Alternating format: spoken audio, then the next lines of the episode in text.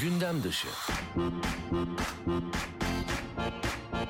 tok karnına yapmazlarsa. Çünkü diyaframla çalışacakları için en azından bir, bir buçuk saat önce bir şey yemiş olsunlar ya da boş mide Aa, olsun. dinleyiciler de artık nefes almayı kusmadan becersinler.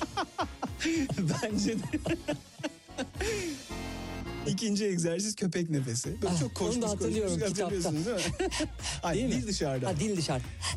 Evet evet ama yine böğrünüze Köpek koymayın. oldum sizin için sevgili dinleyen. El, el böğürde pardon. El böyle. Daha seri yapın bunu. Nasıl çalıştığını hissediyorsunuzdur. Keşke görsel de olsa da Ay bir iyi ki yok bize de. yapmayın iyi ki yok. Bunu mesela Bunun İtalyanca adı neydi? Staccato. Staccato. Kesik kesik demek. E, bunu mesela e, kesintisiz olarak bir dakika boyunca yapmak baş dönmesine sebebiyet verir. E, Hmm. Çok fazla oksijen Çok fazla için oksijenden dolayı çok fazla oksijen alkol etkisi yaratır. Radyo televizyon kurulu için zorunlu uyarı. Çok fazla nefes almayın. İhtiyaç olmadıkça nefes al. işte Facebook'ta orada burada hani yaşlı dedeler komik bir müziğin altında zıplıyor çok eğlenceli gibi görünüyor zannedebilirler ama zikir çok doğru bir şeydir. Denesinler. Hayır o yaşlı amcaların videosu var ya bir tane böyle çılgınca dans ettikleri Evet, böyle evet. o geldi aklıma da Ama onu deneme. doğru bir şey. Öyle mi? Evet doğru Ah, bir şey tabii. Peki. bir gün deneriz sizin ne istiyorsanız.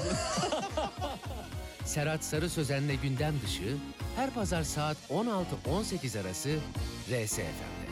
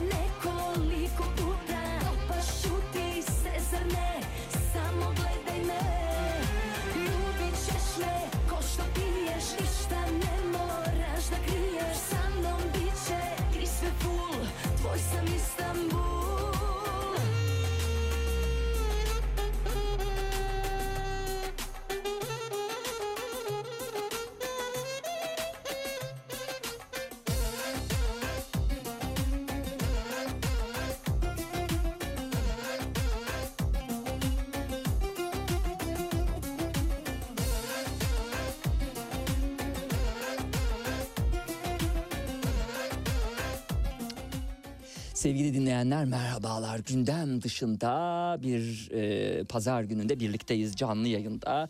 İki e, farklı konu aldık ele. E, tabii gün içi hafta içinde e, özellikle siyasi gündemlerde döviz hareketliliğiymiş oymuş bu bir dünya canımızı sıkan şey var. Artık pazar günleri bütün bunlardan kendimizi soyutluyoruz ve ne çalışsak ne yapsak diyoruz. E, o anlamda kendi gündemimizi yaratıyoruz biliyorsunuz.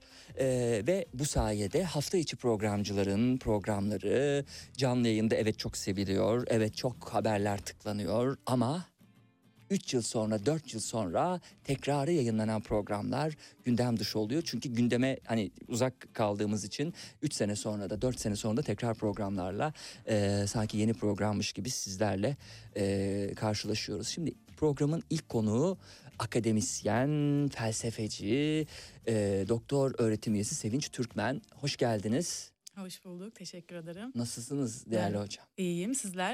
Nasılsınız? Teşekkür ederiz sağ olun. Bugün sevgili dinleyenler çok e, spesifik ve belki ilgilisini ilgilendiriyormuş gibi gözüken yani meraklısını ilgilendiriyormuş gibi gözüken ama aslında kulak verdiğiniz zaman aa bu da nasıl bir e, görüşmüş ya da nasıl bir işte insanmış filoz- filozofmuş nasıl eserler vermiş diye merak e, uyandıracağını düşünüyorum. Yani başta sadece meraklısı için e, sanki konuşuyormuşuz gibi olacağız ama e, dakikalar ilerledikçe kulaklarınızı bizden uzak tutmazsanız e, sizi de e, çok felsefeye ilgisiz olsanız bile kazanacağımızı düşünüyoruz. Kimi konuşacağız bugün? Spinoza'yı. Evet. Biraz Spinoza'dan şöyle bir bahsedelim. Sonra e, Sevinç Türkmen'in hem aşkın ontolojisi, e, kurgu e, eserine hem de ondan sonra e, Ekopraksis'in ontolojisine geçelim ki e, ikinci kitabı zaten e, Sevinç Türkmen'e e, doktor unvanını kazandıran eseriydi. İtaki yayınlarından çıktı her iki eserde. Şimdi e, tabii Spinoza olarak e, ifade ettiğimiz e, Benedito de Espinoza olarak başta e, doğumda kazandığı fakat sonrasında Benedikte Spinoza'ya çevrilen 19- 1632 yılında Amsterdam'da doğan e, bir filozoftan bahsediyoruz. Evren ve kişi hakkında o tarihlerde modern görüşler ortaya sürdü E, ve özellikle 17. yüzyıl felsefesinin en e, e, önde gelen rasyonalistlerinden biri olarak kabul edildi. E, Spinoza Amsterdam'da Portekiz Yahudi cemaatinde büyüdü. İbrani kutsal kitabının doğruluğu ve Tanrı'nın doğası hakkında çok tepki çeken fikirler geliştirdi. 23 yaşındayken kendi ailesi de dahil Yahudi cemaati tarafından dışlandı. Kitapları daha sonra Katolik Kilisesi'nin yasaklılar listesine girdi. Çağdaşları tarafından sıkça ateist olmakla itham edilse de esasında hiçbir e, eserinde ateist olduğunu e, ifade etmediği etmedi. Hiçbirinde Tanrı'nın varlığını reddetmedi. E, en büyük eseri Etika kitabı. Nitekim e, Sevinç Türkmen de e, her iki e, kitabında da e, Etika'nın e, ağırlığını epey hissettiriyor okuyucusuna. Şimdi bunu söyledikten sonra hani yer yer tekrar hani beden ve ruha dönük Spinoza'nın felsefesine ve e, Spinoza, Spinozacı metafiziğe belki döneriz ama e, konuğumuza bir e, odaklanalım. Sevinç Türkmen de lisans, yüksek lisans ve doktorasını Kocaeli Üniversitesi felsefe bölümünde tamamladı. 2006 yılından beri de aynı bölümde öğretim elemanı olarak çalışıyor. Çalışmalarını özel olarak ekopraksis kavramı üzerine ekoloji felsefesi ve siyaset ontolojisi alanında yaptı. Aşkın ontolojisi Spinoza ile bir yürüyüş 2018 yılında İtaki'den çıktı. E, Bunun yanı sıra başkaca yayınlanmış e, makaleleri ve eserleri bulunuyor. E, Spinoza ile tanışıklığınız e, doktora dönemine gitmedi herhalde değil mi? Daha öncesinde e, felsefe öğrenciliği yaptığınız Kocaeli Üniversitesi'nde felsefe öğrencisiyken de e, herhalde ona ona dayanıyor olması lazım. Tam olarak nerede keşfedildi Spinoza? Belki lise yıllarında bilemiyorum. Evet aslında lisans döneminde e, karşılaştım. Yani e, esas ilgim doğa üzerineydi ve doğa felsefesi. E, orada biraz e, felsefe tarihine e, baktığım ölçüde Spinoza e, çok kışkırtıcı geldi deyim yerindeyse. Hmm. E, hem de aynı dönemde bir e, İngilizce metnin çevirisi e, dersinde o Spinoza kısmı bana denk geldi. Spinoza hani felsefe tarihi metniydi. E, orada da e, o ilgimi arttıran bir e, vesile oldu o metin.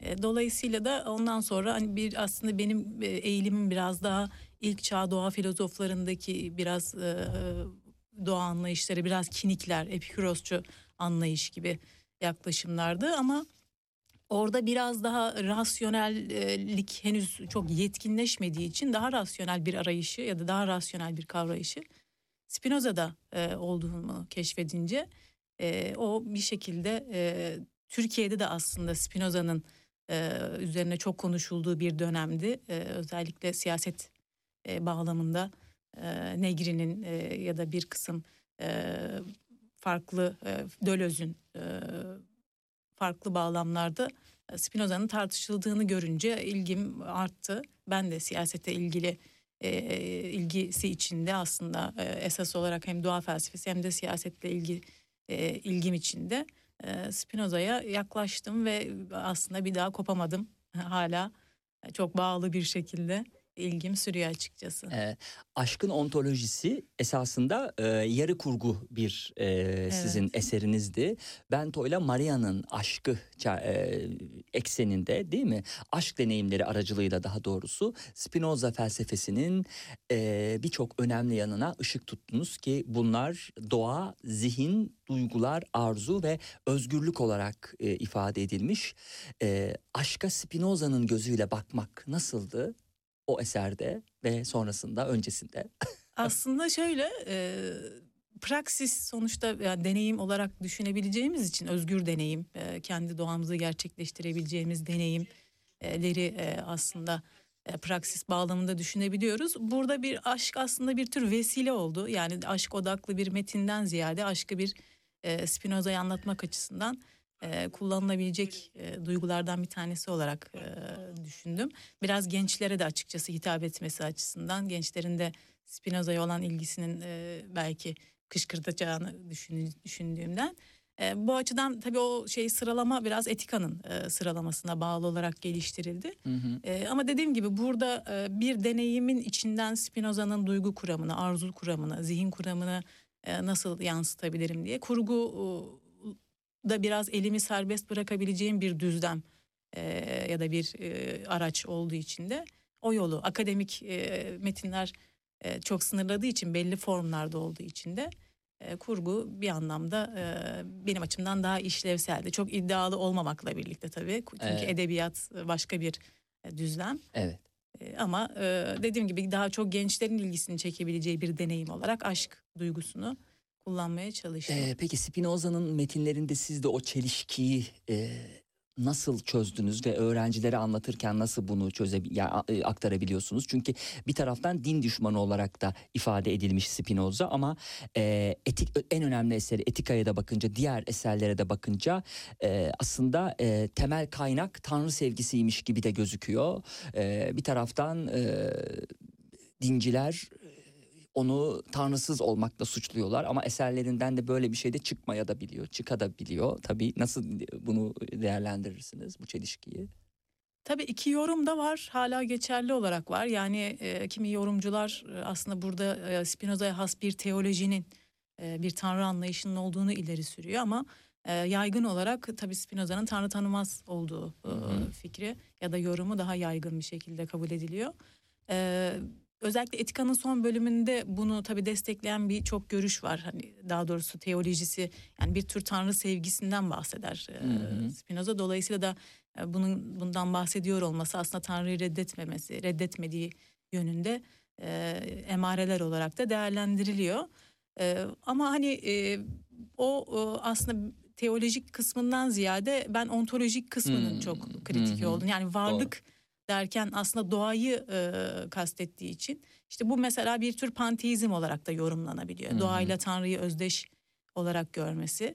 E, ama ben e, kendi fikrimi söylemem gerekirse e, burada e, zaten yaratıcı bir Tanrı olmadığı çok açık. E, aslında doğanın kendisinin bir oluş, sonsuz bir oluş e, halinde olması ve sonsuz şeyi sonsuz şekilde üretiyor olması sadece üreten bir tanrı ve bunu kendi doğasının zorunluluğu gereği Hı hı. gerçekleştiren. Dolayısıyla da bu bizim çok bildiğimiz tanrı e, şeyle Hı hı. e, mefhumuyla uygun bir tanrı kavramı olmadığı için de e, bir tür teoloji e, bizim anladığımız anlamda bir teoloji olmadığı açık. Tabii o dediğiniz gibi o teolojik politik inceleme adlı kitabı e, bu açıdan çok ciddi Hı hı, tepkiye neden oluyor. Çünkü kutsal kitapları e, Hı hı. eleştiriyor. Hı hı. Peygamberleri e, eleştiriyor. Onları bir tür hayalperest Hı hı, sıfatıyla hı hı, hı hı. andığı için e, bu açıdan iki farklı yorum var ama ben daha çok o, varlık felsefesi e, itibariyle bir tür bizim anladığımız anlamda bir tanrı fikrine sahip olmadığını düşünüyorum.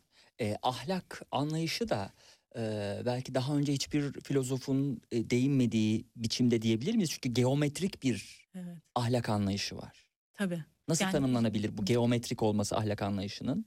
Geometrik Geometri yönteme göre. tabii. yönteme göre evet aslında geometrik yöntemi e, bir tür e, o kendi felsefesini ya da varlığı aktarırken bir tür tarafsızlığı e, temsil ettiği için kullanıyor. E, yani geometri çünkü e, üçgenin tanımı her yerde aynıdır. İşte Hı hı. düzlemin tanımı her yerde aynıdır. Dolayısıyla bu yöntemi hem o dönemin tabii tarihsel iklimi içinde e, kartezyen e, bir e, felsefenin e, ağırlıklı olduğu bir dönem, mekanik felsefe ya da mekanik e, biliminin çok geliştiği bir dönemde matematik ve geometri aslında o filozofların, o dönemin filozoflarının yaygın olarak başvurduğu e, disiplinlerden bir tanesi. Şeyde Spinoza'da bir form olarak kullanıyor. Açıkçası içerik olarak Spinoza'da geometrik bir doğa anlayışı yok. Hı hı. Yani matematiksel bir evren anlayışı yok. O Newtoncu ya da mekanik e, fiziğinin kabul ettiği anlamda e, Galileocu bir e, hani ya da evrenin dili matematiktir gibi bir anlayış söz konusu değil. Yöntem olarak, bir form olarak, biçim olarak geometriyi kullanıyor. Çünkü sayılar ona göre e, zihnin kavramları. Hı hı. Dolayısıyla da doğada e, doğrudan karşılaştığımız bir varlığa sahip değiller. E, ama o tarafsızlığı, o nesnelliği ortaya koymak açısından da geometri çok da kullanışlı bir e, biçimde e, Spinoza tarafından kullanılıyor. Ee, şimdi Doktor Sevinç Türkmen'le e, özellikle ekopraksis'in ontolojisini konuşacağız. Bu çalışmada günümüzde büyük ölçüde dil, mantık ve matematik eksenli araştırmalarla sınırlandırılmış olan felsefenin çağdaş sorunlarına bir yanıt bulabilme adına farklı ve daha etkili bir mecraya taşınmasının mümkün olup olmadığını kapsamlı bir şekilde araştırdı. Bu araştırma boyunca karşımıza çıkacak olan üç önemli kavram insan, doğa ve etik. Eh, bu kitabın okurları gerek günlük dilde gerekse felsefe dilinde çok sık kullanılan bu kavramla bir çatı altında tartışmanın zannedilenden daha güç olduğunu ancak bu yönde bir çabanın hedeflediği ufuklar düşünülürse göze alınmaya değer olduğunu görecek diyor eh, kitabın basın bülteninden aktardım. Burada enteresan olan bir başka şey de Spinoza ve Marx'ın aynı potada eritilmesi adeta. Nasıl olabilir? Yani şöyle e, aslında ikisinin e, bir tür hani birleşmesi ya da örtüşmesi gibi değil de e, ikisini kullanarak Hı hı. açıkçası bu Aynen. terimi kullanmaktan e, imtina etmiyorum. İkisini de kullanarak e, özgürlük tartışmasının e, aslında ekolojik bağlamının zorunlu olduğunu özellikle çağdaş tartışmalar açısından da kritik bir boyut var bu hani birçok yönüyle. E, yani geleceğe dönük bir özgürlük ya da özgür deneyim tartışması yürüteceksek bunun artık zorunlu bir şekilde ekolojik bir bağlamı olması. Yani bu e, zorunlu olarak doğaya uygun bir yaşamı e, kurmayı ya da inşa etmeyi gerektirdiğini e, ileri sürerken burada iki temel ismin e, Spinoza ve Marx olduğunu söyleyebilirim ve birçok ismin yanında tabii. Dediğim gibi şeyde e, özellikle antik Yunan'daki doğa filozofları e, sonrasında Helenistik dönemde e, Stoacılar, Epikurosçuluk gibi e, eğilimleri göz ardı etmeden iki filozofun e, temelde tabii e, kitapta da vurgulamaya çalıştım olabildiğince e, ontolojiyle tarihsellik ya da ontolojik yaklaşımla tarihselci bakış açısı hep çelişik gibi görülür. Ama iki filozof da bunun çelişik olmadığını ortaya koyan filozoflar. Yani bir şey tarihselse onu ontolojik olarak ele alamazsınız. Ontolojikse tarihsel olarak ele alamazsınız. Oysa insan bu iki boyutuyla ele Hmm. alabileceğimiz bir varlık. Yani biz hem doğanın ontolojik bir parçasıyız hem de tarihsel olarak varlığa gelen, oluşa gelen e, bir oluş varlığıyız. bu iki bağlamı e, birlikte ele aldığımız ölçüde nasıl erdemli olabileceğimizi ve nasıl özgür Hmm. olabileceğimizi e, ancak bu iki bağlamı birlikte ele alabildiğimiz ölçüde e, geliştirebiliyoruz. Hı hı. Nitekim iki filozof nasıl bir araya getirilebilir Evet. sorusuna ilişkin olarak da daha ön sözde Sevinç Türkmen e, diyor ki ilki töz, mutlak, sonsuz, içkin, öz, varoluş, zorunluluk, etkime gücü gibi kavramlardan bahsediyor. Diğeri tarih, sınıf, çelişki, emek, değer, üretim ilişkileri, yabancılaşma gibi kavramlardan. Birinin temel metni tözün, sıfatların, tavırların geometrik yolla serimlediği etika, diğerininki metanın, ücretin, değerin, paranın, sermayenin, makinenin birbiriyle bağlantısının matematiksel hesaplar ve formüllerle irdelendiği kapital. Peki ilk bakışta iki ayrı şeyle iki farklı tarzda ilgi içindeymişçesine düşünülebilecek bu iki filozof hangi bağlamda bir araya getirilebilir? Bu bağlam ekolojik bir varoluş tarzının yani ekopraksisin nesnel olanaklarının araştırılması olabilir mi?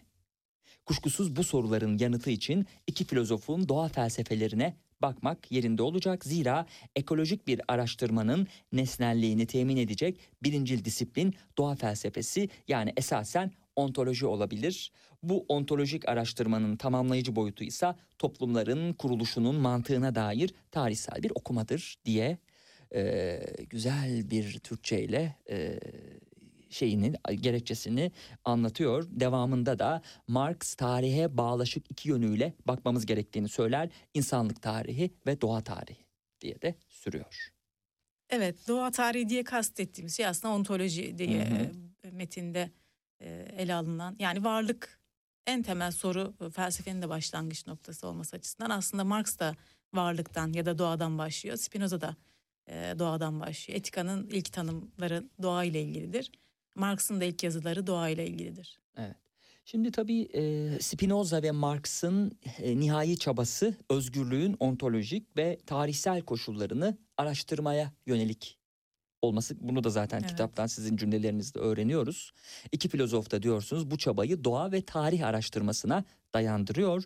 Praksis kuramları da farklı biçimlerde ve farklı yollarla da olsa bu iki boyutu yaratıcı biçimde ve birbirine indirgemeksizin birleştirme temelinde ortaya çıkıyor. Bu arada bu söylediğim e, büyük büyük cümleler sevgili dinleyenler program boyunca e, Sevinç Türkmen'in e, kitabından alıntıdır.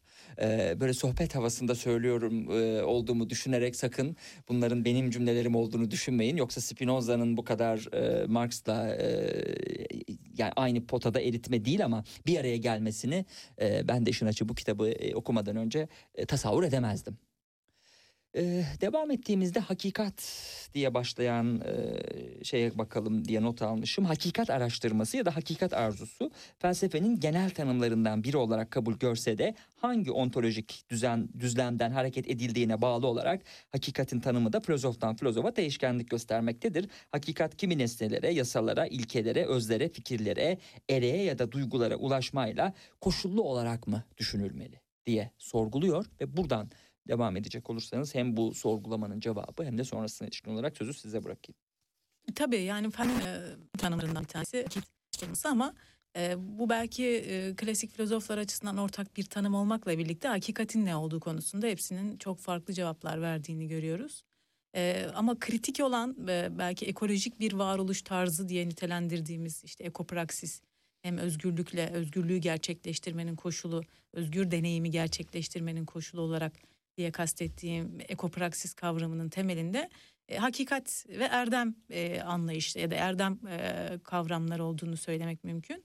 E, ne açıdan bir kere özgürlüğümüzü gerçekleştirebileceğimiz temel düzlem hakikati anladığımız ve gerçekleştirebildiğimiz bir e, düzlemle örtüşüyor. Dolayısıyla da e, hakikat çok temel ve başlangıç e, sorusu ya da sorunu olarak düşünülebilir. O da e, dediğim gibi hakikat tartışmasının temel olarak dayandığı disiplin ontoloji, varlık felsefesi.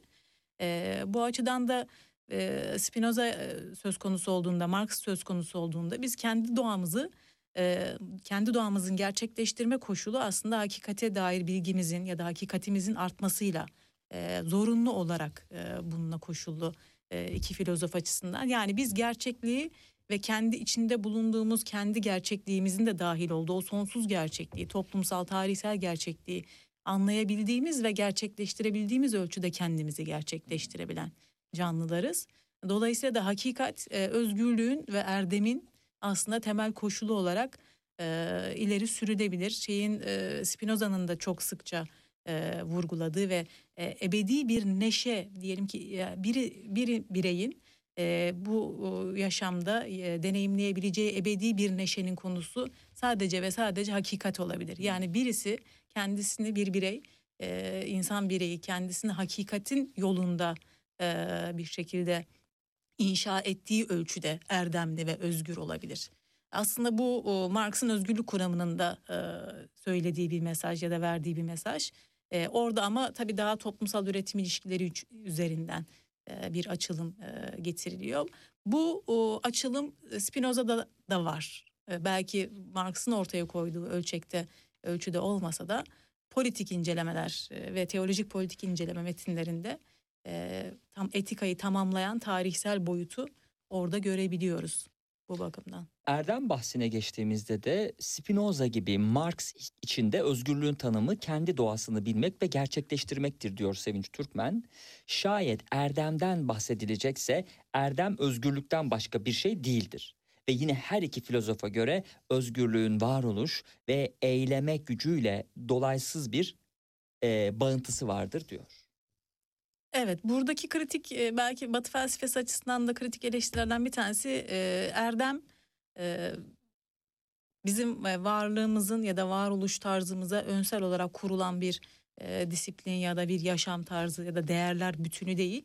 E, aslında yaşamımızı kurarken edindiğimiz bir e, değer anlayışı olarak düşünülebilir. Spinoza'da da bunu görüyoruz. Yani ahlak e, önceden kurulan bir değerler bütünü değil. Hı hı. Aslında yaşam tarzımıza içkin bir şekilde e, ortaya koyduğumuz tüm eylemlerimizi e, için tüm eylem, eylemlerimize içkin olarak ileri sürebileceğimiz bir kategori.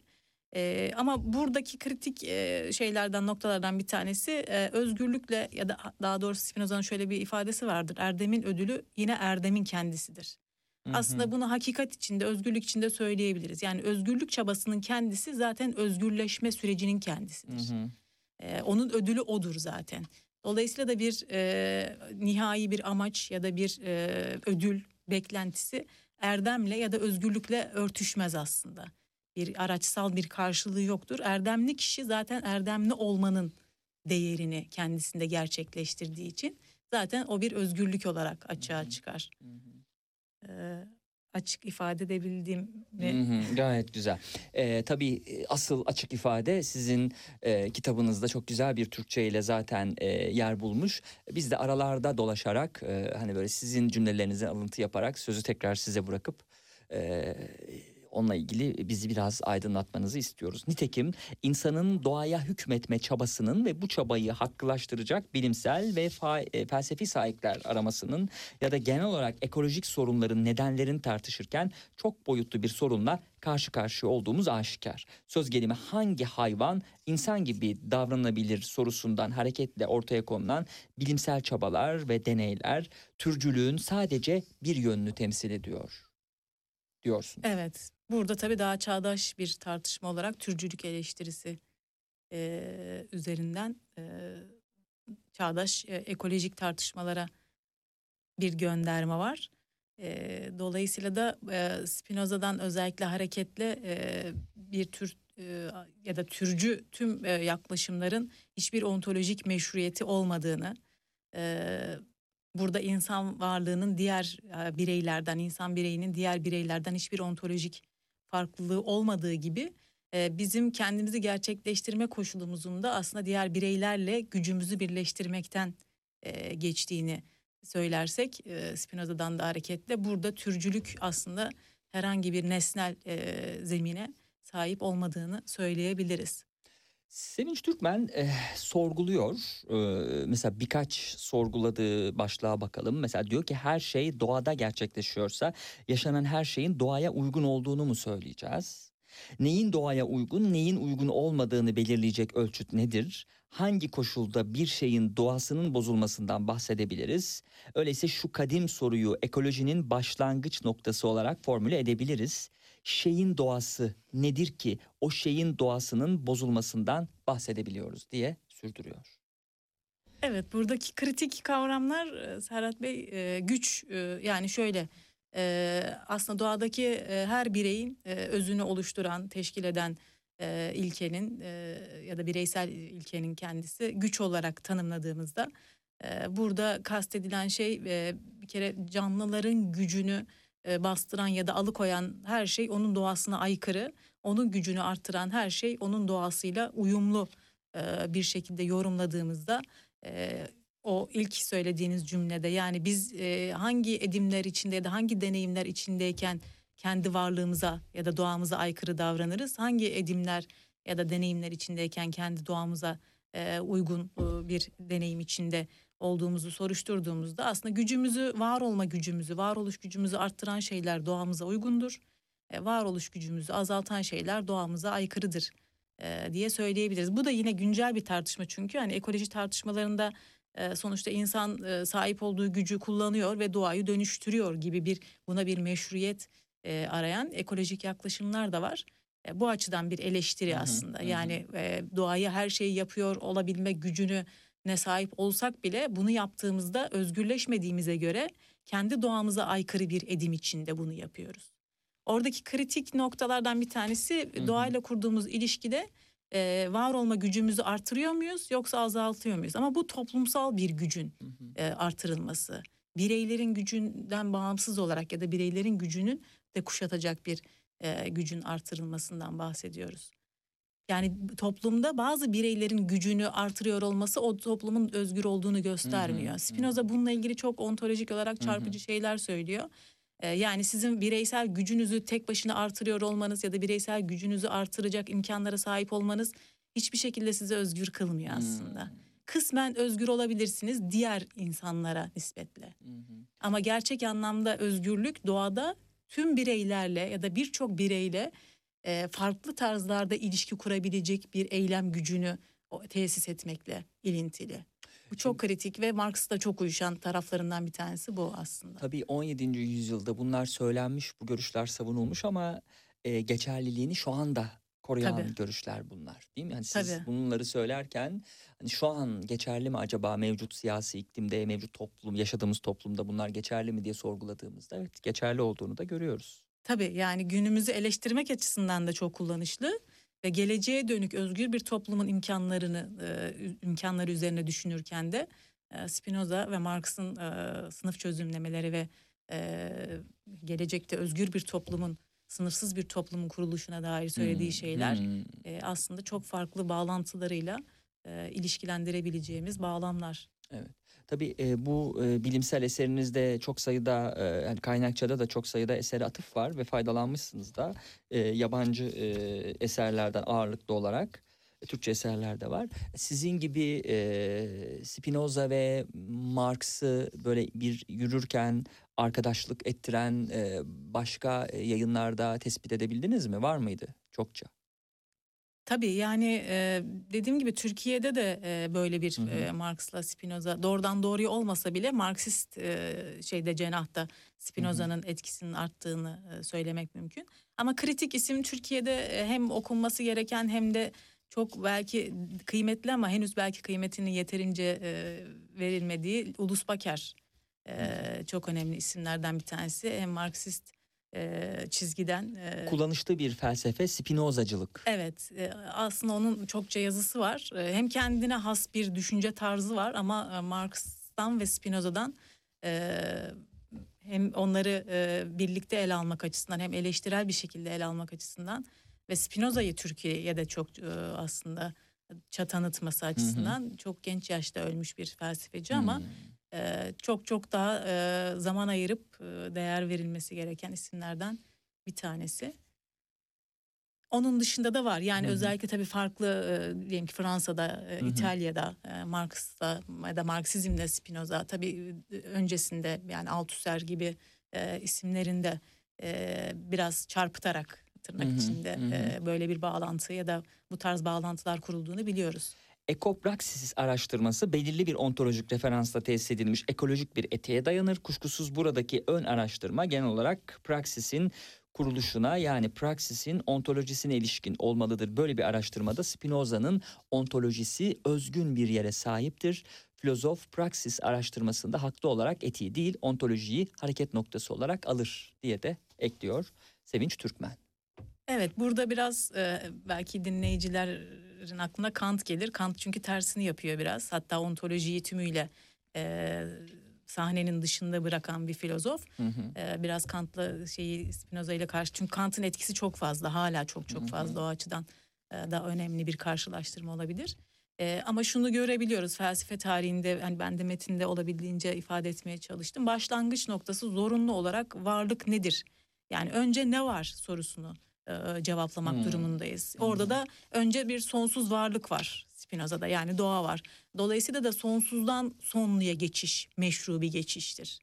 E, yani insandan hareketle evreni ya da doğayı açıklamak aslında işte idealist e, yaklaşımın geliştirdiği ya da idealist yaklaşımın temel e, eğilimidir. E, oysa e, tabii Spinoza'nın materyalist olup olmadığı konusunda da çok fazla Hmm. tartışmalı e, yorumlar var. E, ama e, ontolojik yaklaşımdan Spinozacı bir ontolojiden hareketle de düşündüğümüzde başlangıç noktası zorunlu olarak sonsuzun ne olduğu yani varlık nedir? E, o sonsuz varlığın kendisini nasıl ifade ettiği, nasıl var ettiği ve ürettiği e, aslında bizim nasıl erdemli olabileceğimizin e, başlangıç noktasını ya da hareket noktasını teşkil eder. Marx da buna doğa aynı şekilde Hmm. yani o az önce okuduğunuz hı. yerde hani tarihe iki bağlamda ya da iki hı.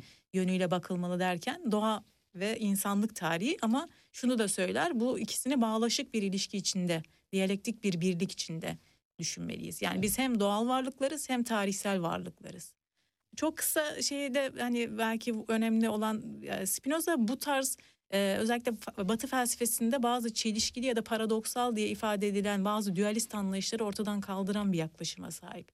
Yani beden, ruh, akıl, duygu, e, özgür nedensellik, doğal nedensellik ya da özgürlük, zorunluluk, e, akıl, irade e, gibi fizik, metafizik gibi ayrımların meşruiyetini sorgulayan ve bu ayrımların hiçbirinin aslında e, nesnel ayrımlar olmadığını, fizik e, yaparken metafizikle birlikte yapabileceğimizi e, ya da e, fikirlerimizin duygularımızı, duygularımızın fikirlerimizi belirlediğini, e, bu ayrımları biz çok, çok gündelik e, hayatta da e, sanki varmışçasına kullanırız. Spinoza bunlara e, ön yargılar ve hurafeler der. Aslında özgürlük bir tür zorunluluktur. Yani doğamıza, doğamızın yasalarına uymak anlamında ve bizim doğamızı oluşturan yasalar doğanın yasalarıdır. İşte Hı hı. ekolojik kısmı bu aslında. E, Yani biz ekolojik bir yaşamı tesis ettiğimiz ölçüde özgürleşiriz. E, Dolayısıyla da doğal zorunluluk e, bizim eylemimizi sınırlamak bir yana eylemimizin sınırlarını genişleten hatta sonsuzluğa açan sonsuz şeyle sonsuz ilişki kurmamıza olanak sağlar. Bizim doğanın parçası olmamız bizi sınırlamaz.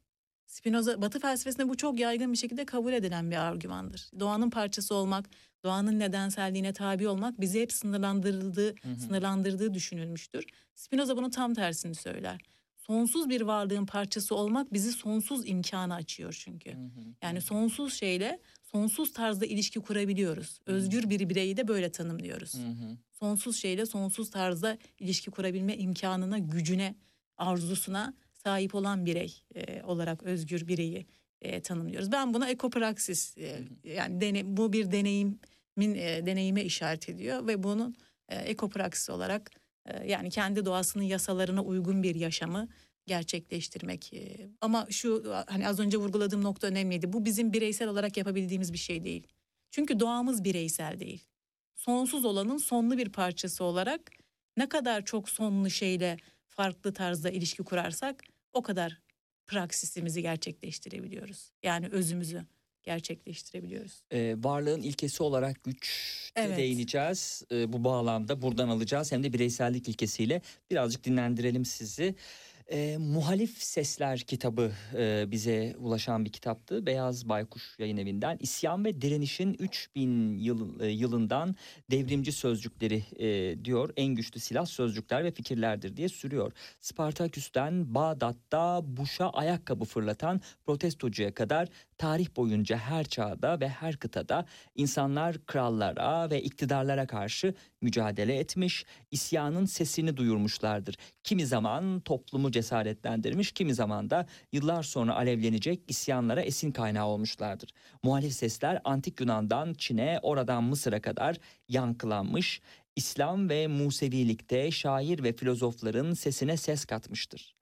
Arap kölelerin isyanlarında ve Orta Çağ'daki Osmanlı karşıtı ayaklanmalarda da yükselen bu muhalif sesler modern çağın başlangıcında Hollanda ve İngiliz devrimlerinde yükselmiş, Fransız, Haiti, Amerikan, Rus ve Çin devrimlerinde katlanarak büyümüştür. Savaş ve ekonomik baskıya karşı direnen sesler yakın dönemde e, Kahire'ye, Moskova'ya, New York City'ye savaş meydanlarında ve kamusal alanlarda adalet ve özgürlüğü haykırmıştır diyor. Muhalif Sesler kitabını size hediye etmek istiyoruz. Begüm Kovulmaz'ın e, çevirisiyle e, şöyle uzatalım. Çok sevindim. Teşekkür ederim. Ee, biz teşekkür ederiz sağ olun. Ee, tabii Sevinç Türkmen Kocaeli Üniversitesi'nde e, hoca. Ee, yolu uzun dönüş yolu. Ee, yolda da en azından eşlik etsin ona. Teşekkür Şimdi ederim. gelelim tekrar Sevinç Türkmen'in e, kitabında e, bu defa biraz önce söylediğimiz gibi bireyselleşme ilkesine. Bu ilke varlık felsefesinin ve doğa felsefesinin temel sorunlarından biri olarak tartışıla gelmiştir. Dolayısıyla bir varlık ya da doğa araştırması ele alınırken bilhassa bireyselleşme ilkesi sorununu ele alış tarzı bu felsefenin özgün yanlarından birini teşkil eder diyor. Evet burada e, tabii e, şeyde Marx'ta da bir tür bireyleşme sorunu. E, ele alınıyor. Yani toplumların tarihi bireyleşmenin tarihidir diye e, ifade ediyor. Aslında bir tür özgürlük göndermesi o. Yani bireyleşmenin kendisi özgürlükle e, birlikte düşünüldüğünde e, ama her filozofta bunun çok farklı işte boyutlarda ele aldı, alındığını gördüğüm görmemizle birlikte Spinoza ve Marx'ta bu doğrudan doğruya doğada bir bireyleşme e, durumu olarak ifade ediliyor. Yani doğamızı gerçekleştirmek, e, bireyleş, bireyleşmemizi e, sağlayacaksa bu doğa e, aslında içinde bulunduğumuz sonsuz fiziksel doğa e, olarak tasvir ediliyor. Birçok filozofa göre Batı felsefesinde böyle değil. Yani o dediğim gibi doğayı hep bir sınır olarak, hep bir tür o doğanın doğanın parçası olmamız nedeniyle sahip olduğumuz determinasyonu, belirlenimi hep olumsuzlayan bir Batı felsefesiyle karşı karşıyayken Spinoza gibi o az önce şey, bahsettiğim ilk çağdaki doğa filozofları gibi ya da Helenistik dönemdeki bazı ekoller gibi e, yaklaşımlarda bunun tam tersi savunula geliyor. E, Doğanın parçası olmanın aslında işte bir birey olarak e, doğanın parçası olmanın e, doğanın sonsuz gücünün e, bireysel bir ifadesi olduğumuzu gösteriyor. Yani ben doğanın e, birey olarak doğanın o sonsuz gücünün bireysel bir güç olarak kendisini ifade eden e, bir varoluşa sahibim. Ama burada şu önemli bu güç sınırlı değil. İşte ben bu az önce bahsettiğim tarzda bir özgürlük deneyimi içinde her zaman bu özgürlüğümü yeniden üretme ve e, güçlendirme ya da artırma olanağına sahibim. Bu tabii işte e, içinde bulunduğum toplumsal e, koşullarla e, mümkün olan bir e, güç artırımı. E, Dolayısıyla da e, herkesin aslında özgür olmasına bağlı olan bir bireyselleşmeden e, bahsediyoruz iki filozofta da. Herkes özgürse bireyler, insan bireyleri özgürdür. Hatta burada diğer canlıları da birlikte düşünebiliriz. Yani diğer o açıdan ekolojik bir bağlamı iki filozofta e, araştırmak mümkün oluyor. E, özellikle Spinoza söz konusu olduğunda e, öz ya da şeylerin bireyin doğası diye güç e, ya da çaba konatus kavramını kullanır Latince. Hı hı. E, bu e, bize özgü bir öz değil. Bu bir kedinin de kendisini var ettiği öz. E, işte bir meşe ağacının da e, kendisini var ettiği öz olması açısından e, insana has, insana mahsus bir öz anlayışı yok bu açıdan. Bu Hı hı. eş, çok ekolojik bir e, öz e, kuramı. E, Dolayısıyla da nasıl ki işte Spinoza çok sever örümcekler e, varlıklarını sürdürmek için ağ örüyorlarsa ya da işte sinek avlamak için yani hayatta kalmak için e, bu nasıl bir konatusun dışa vurumuysa İnsan bireyi de aynı şekilde yaşamda kalmak için konatusu e, itibariyle davranır ya da konatusu ne, nasıl onu yönlendiriyorsa. E, bu açıdan ekolojik işte e, özlerden ya da ekolojik öz oluşturan şeylerden bağlamlardan bir tanesi birey bireyin özü e, bir canlıda herhangi bir canlıda aynı şekilde tanımlanıyor. Şöyle bir farklılıkla insanın özünü e, zaman zaman Spinoza arzu e, yani o çabanın bir tür ifadesi olarak insandaki ifadesi olarak arzu olarak tanımlıyor. İşte o az önce hani en başta konuştuğumuz şeyde insanın özü arzudur. Bu arzunun konusu ne olursa insan özgürleşir. İşte hakikat olursa. Hı hı. Ve orada bir tür neşe felsefesi açığa çıkıyor. Yani insanın arzuladığı e, şeyin kendisi olgunun ya da işte nesnenin kendisi hakikat olduğu ölçüde e, insan bunu bir neşe deneyimi içinde gerçekleştiriyor. Bu Spinoza yine Spinoza'ya özgü bir yaklaşım çünkü Batı felsefesinde yine hep bir tür inzivai yaşam, daha kederle özellikle işte e, Tam da bu esnada araya giriyorum Tabii, tabii, izninizle. buyurun. Keder dediğiniz için Spinoza'ya göre sevinç ve keder nasılmış diye bir bakalım. Çünkü dersime de iyi çalışan bir öğrenci olarak hemen ilgili kısmı buldum. Ee, sevinç ve keder ancak etkin ve edilgin olmayla ilişkili olarak tanımlanabilir. Eyleme ya da etkime gücünün artmasına sevinç duygusu eşlik ederken bu gücün azalmasına keder eşlik eder. Diğer duygularında bu iki duygu ve arzudan türetilebileceği söylenebilir diyor Sevinç Türkmen. Evet yani Spinoza'dan hareketle tabii. Evet. Ee, ama şeyi görebiliyoruz zaten oradaki tanımdan bir tür etkime gücünün ya da Evet. etkinlik gücünün artmasına sevinç eşlik ettiğine göre e, özgürlük e, durumunun ya da özgür deneyimin e, temel olarak üreteceği duygu sevinç olacaktır.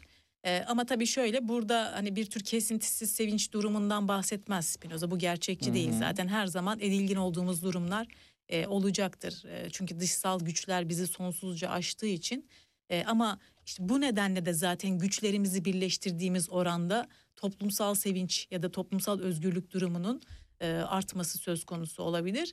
E, burada kritik noktalardan bir tanesi bu hiçbir zaman tamamlanamaz Hmm. bir deneyimdir. Hı. Çünkü biz hem bireysel olarak hem toplumsal olarak her zaman kendimizi çok farklı şekillerde e, yeniden üretebileceğimiz deneyimleri keşfederiz.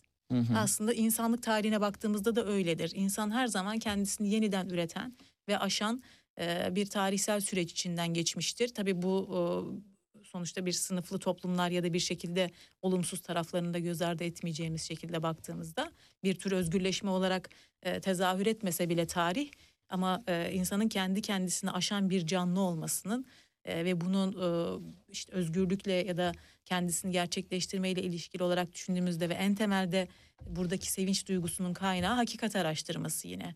İşte o e, anlama yetisinin düzeltilmesi üzerine inceleme adlı ilk e, eserlerinden bir tanesinde e, öyle bir sevinç olsun ki ebedi bir sevinç olsun. E, bu sevinç neyin e, konusu olabilir? Hakikatin konusu olabilir diye. Hakikat araştırmasının zorunlu olarak bir sevinç deneyimi içinden gerçekleştirilebileceğini ileri sürer. Dediğim gibi bu böyle bir e, hani içi boş bir sevinç durumu değil. Hı hı, Hakikati hı e, araştırmanın ve hakikati kendi hakikatimiz de dahil olmak üzere tabii e, anlamanın getirdiği bir sevinç. Bu mesela aslında insandan alınamayan bir şey. Hı. Yani insana içkin olarak geliştirdiği, e, kendi doğasını keşfettiği için bu hakikat araştırmasında içkin bir sevinç olarak da düşünülebilir. İnsanların aklın kılavuzluğunda yaşadığı bir durumu doğal bir uyum olarak nitelendiren Spinoza'ya göre elbette insanlar arasındaki ilişkilerde çelişkiler ve çatışmalar da olacaktır diyor. Kaçınılmaz. evet. Kaçınılmaz. Şimdi üçüncü bölümde Marx'ın doğa anlayışına ilişkinde aldığım çok sayıda not vardı. Ee, Okunmak üzere Marx'ta insan kavramı gibi mesela. Üçüncü bölüme hiç girmedik. Sonuç e, kısmıyla noktalayalım. E, dört dakika gibi bir süremiz kalmışken. E, Spinoza ve Marx'ın praksis kavramlarının dayanağını onların doğa araştırmasıyla birlik içinde tesis edilen ontolojileri teşkil eder. Zira praksisin ya da özgür etkinliğin nesnel koşulları ontoloji temin edebilir. Öyleyse insanla doğa arasındaki ilişkinin etik bir bağlamda düşünülebilmesinin nesnel dayanağını araştırırken başlangıç noktası zorunlu olarak ontoloji olmalıdır e, diye sonuca başlıyor ve uzun sonucuyla e, verimli bir e, son sözle Sevinç Hoca insanın doğayla ilişkisinde özsel bir sınırın ve ekolojik öze sahip yeni bir varoluş tarzının ifadesi olarak ekopraksis dışsal bir ilkeye göre değil içsel bir ilkeye göre tesis edilir diyecektir. Var mıdır son olarak ekleyeceğiniz bir şey? Teşekkür ederim. Ee, sadece e, dediğim gibi Son başta- kısımla ilgili belki olabilir. Evet evet yani başlangıçta aslında yüksek lisansta çalıştığım soru doğayı e, etiğin konusu yapabilir miyizdi Hı hı. ama e, doğrudan bunu yapamayacağımızı keşfedince ontolojiye dönmek Hmm. gerektiğini düşünerek böyle bir e, metin kaleme Hı hı. almış oldum. Hı hı. E, umarım e, bir açılım ufak da olsa bir açılım getirmiş olur ekoloji tartışmalarına. E, Birçok soruyu da barındırıyor kitap onun da e, farkındayım E, o zaten kaçınılmaz. Hala üzerinde çalıştığım e, sorular. Evet. Ee, onun dışında e, benim söyleyebileceğim bir şey yok. Çok teşekkür ederim davetiniz için. Biz teşekkür ederiz sağ olun. Ee, doktor öğretim üyesi Sevinç Türkmen'le e, Spinoza ve Marx üzerine ama daha çok da kavramlar üzerine bir e, sohbet yapmaya çalıştık sevgili dinleyenler. Ee, biraz sonra ise yönümüzü başka bir zemine çevireceğiz. Mardin filozofu olarak tanımlanıyor e, Bedri Usta. Yani konumuzda ilk kısımla hiç ilgisi olmayan bir yöne çevirmiş olacağız ikinci bölümde e, yolumuzu. E, bir hayat hikayesi e, konuşacağız sevgili dinleyenler. E, sıfırdan başlayan bir hayat hikayesinde e, gerçek hikayede e, biraz sonra buluşmak üzere diyelim. Dakikalar içerisinde 17 haberlerine bağlanacağız. 17 haberlerinden sonra görüşmek üzere.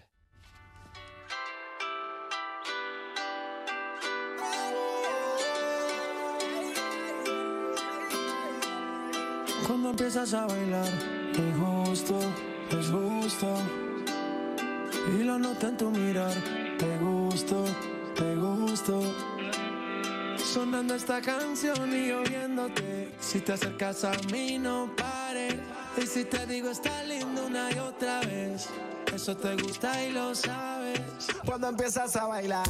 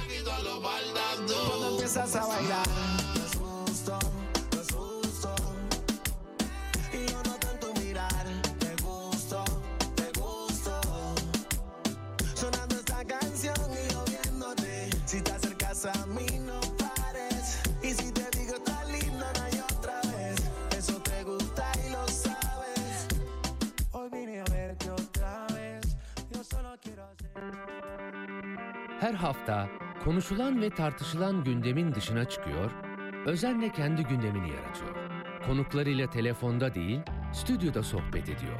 Konuları değil, konukları ele alıyor. Laf lafı açıyor, iki saat şarkı arası bile vermeden Serhat Sarı Sözen'in eşsiz sunumuyla akıp gidiyor. Serhat Sarı Sözen'le gündem dışı, her pazar saat 16-18 arası RSFM'de. Gündem dışı. tok karnına yapmazlarsa. Çünkü diyaframla çalışacakları için en azından bir, bir buçuk saat önce bir şey yemiş olsunlar ya da boş mide Aa, olsun. dinleyiciler de artık nefes almayı kusmadan becersinler. Bence de. İkinci egzersiz köpek nefesi. Böyle Ah, çok onu koşmuş da hatırlıyorum koşmuş kitapta. hatırlıyorsunuz değil mi? Ay Değil mi? dil dışarıda. ha, dil dışarı.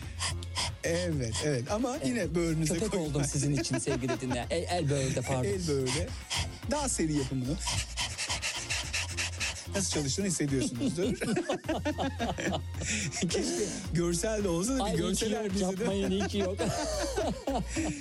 Bunu mesela Bunun İtalyanca adı neydi? Staccato. Sta- Staccato. kesik kesik demek. E, bunu mesela e, kesintisiz olarak bir dakika boyunca yapmak baş dönmesine sebebiyet verir. E, Hmm, çok fazla oksijen Çok fazla oksijenden dolayı çok fazla oksijen alkol etkisi yaratır. Radyo televizyon kurulu için zorunlu uyarı. Çok fazla nefes almayın. İhtiyaç olmadıkça nefes al.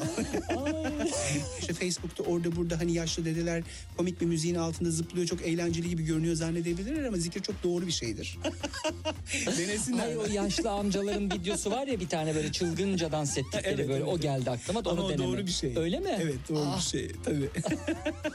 Peki. bir gün deneriz sizin ne istiyorsanız.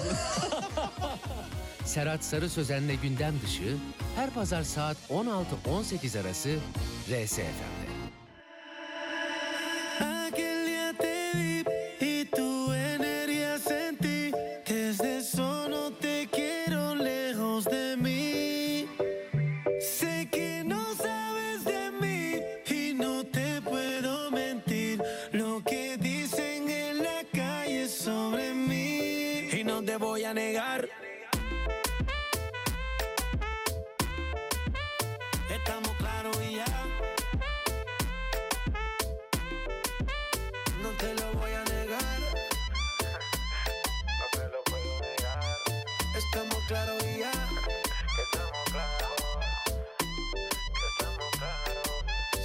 que yo te agarre, baby. Besos en el cuello para calmar la sed. Mi mano en tu cadera pa' empezar como es. No le vamos a bajar más nunca, mamá. Ba, ba, ba, ba, baila. Placata, placata. Como ella lo mueve. Sin parar, sin parar. Las ganas de comerte ahora son más fuertes. Quiero tenerte y no te voy a negar.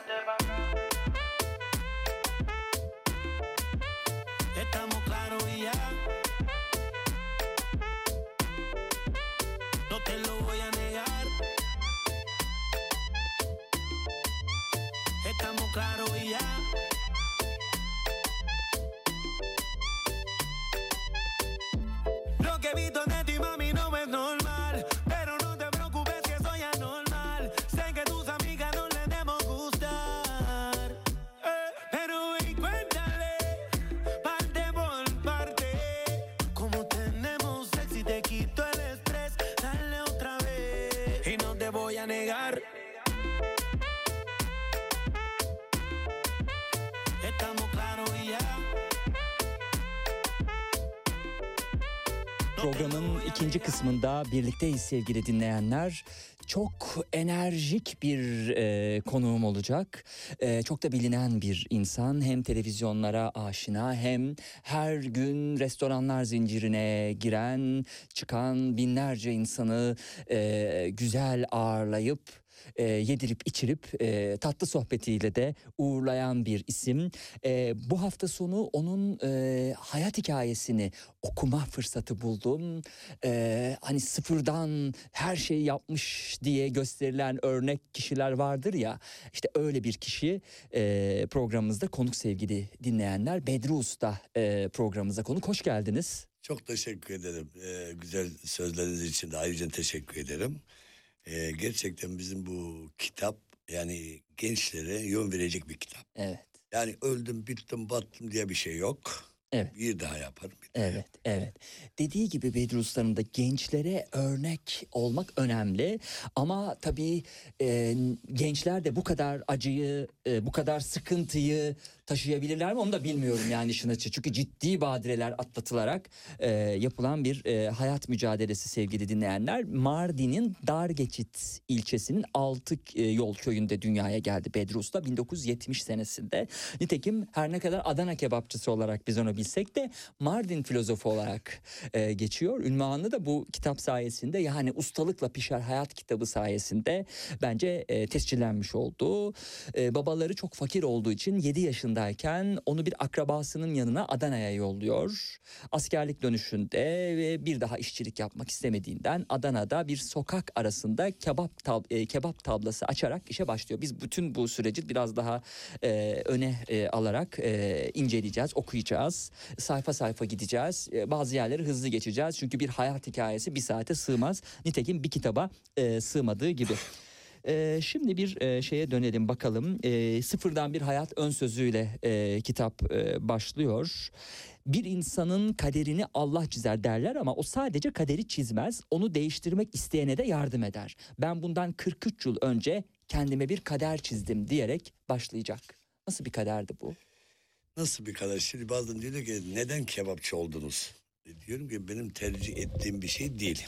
Ee, kendini bir anda içinde buluyorsunuz. Onun için mesela ben kebapçı olacağım diye dünyaya gelmemiştim ama iyi ki de kebapçı oldum. E, Mardin'de bizim e, Mardin'de biliyorsunuz e, geçim sıkıntısı olduğu için Evet. köylerde falan işte Adana'da bir akrabamız var. Kebapçı restoranda ustabaşı orada. Babam da beni onun yanına gönderiyor. Git çalış diye. Çalıştığımızı da usta alıp Mardin'e babamıza geçim için gönderiliyor paralar. Evet. Artık ne kadar paraysa Evet, ne evet, aldı bile evet. bilmiyorum. Evet.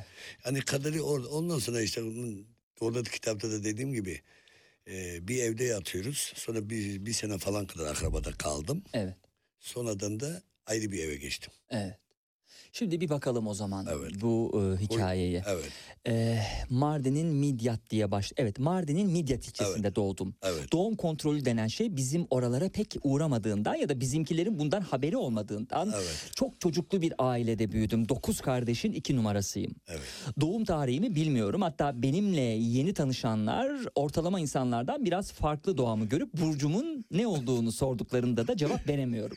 Çünkü bilmiyorum ki. bir de böyle sorarlar değil mi ne burcunuz diye. Evet. Yükseleniniz de burcunuz da dedim ki de bizim Güneydoğu'da hiçbirinin doğum tarihi belli değil. Hepsi genelde 0101 olur. Benimki nasıl 15. 6. olmuş öyle bilmiyorum. İkinci çocuksunuz aslında. Hani Evet. Belki üçte dörtte aileler yorulup e, kimlik almayı bırakabilirler ama demek ki Ben e, orada ilk çocuktan e, itibaren böyle. yaşımın da doğru olduğuna inanmıyorum. Çünkü Hmm. benim amcamın oğlu var. Ben ondan büyüğüm ama kimlikte benden 4 yaş büyük. Benden önce askere gitti. Hmm, O da çok enteresan. Çünkü hatırlıyorum amcam bizi götürdüğünde nüfus dairesine. evet. 10 kişi boy sırasına göre işte nüfus memuru soruyor. İşte bunu hemen 3 yaşında yaz, bunu 5 yaz, bunu 6 yaz. Ezbere. Evet, evet. Bizde doğum tarihleri zaten hep yanlıştır diye Tabii, sürdürecektir evet. Bedri Usta. Boyunuza göre tahmini doğum tarihi Tabii, verirler de bize. Yıl usulü değil, santimetre usulünden yaşımız. Evet. Hikayemi dinlerken bazı tarihler birbirine tutmuyor derseniz ben de size şunu derim. Yıllarca sokaklarda yatan bir adamın size anlatacaklarını aklında tutması bile bir mucize. Hiç okula gitmedim, göndermediler değil ama köyde yapılacak işlerin çokluğundan okula yolum düşmedi.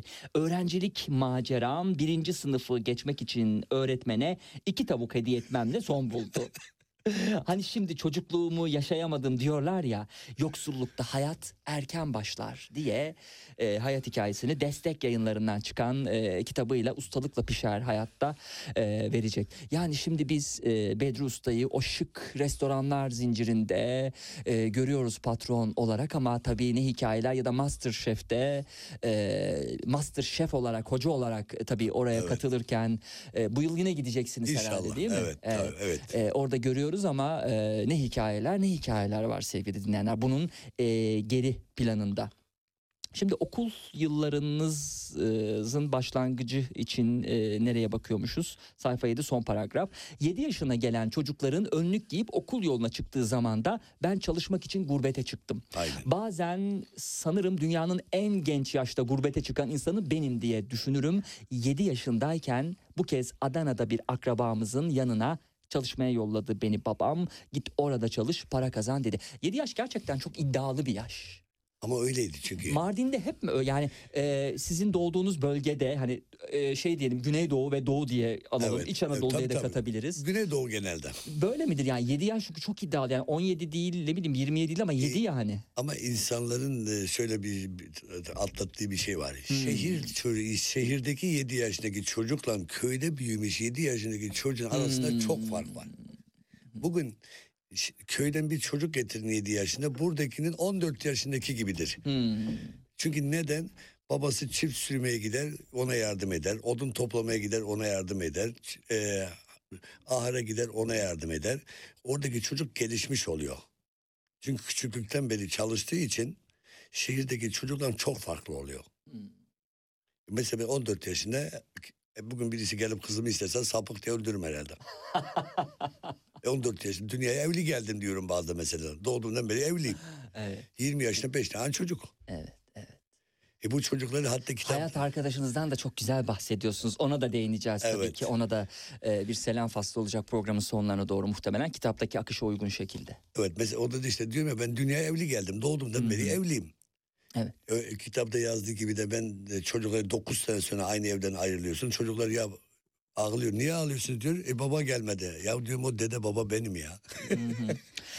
Ee, hadi şimdi Bedri Usta'nın babasına da bir bakalım. Şimdi onun nasıl baba olduğunu e, fotoğraflardan ve yazdıklarından görüyoruz.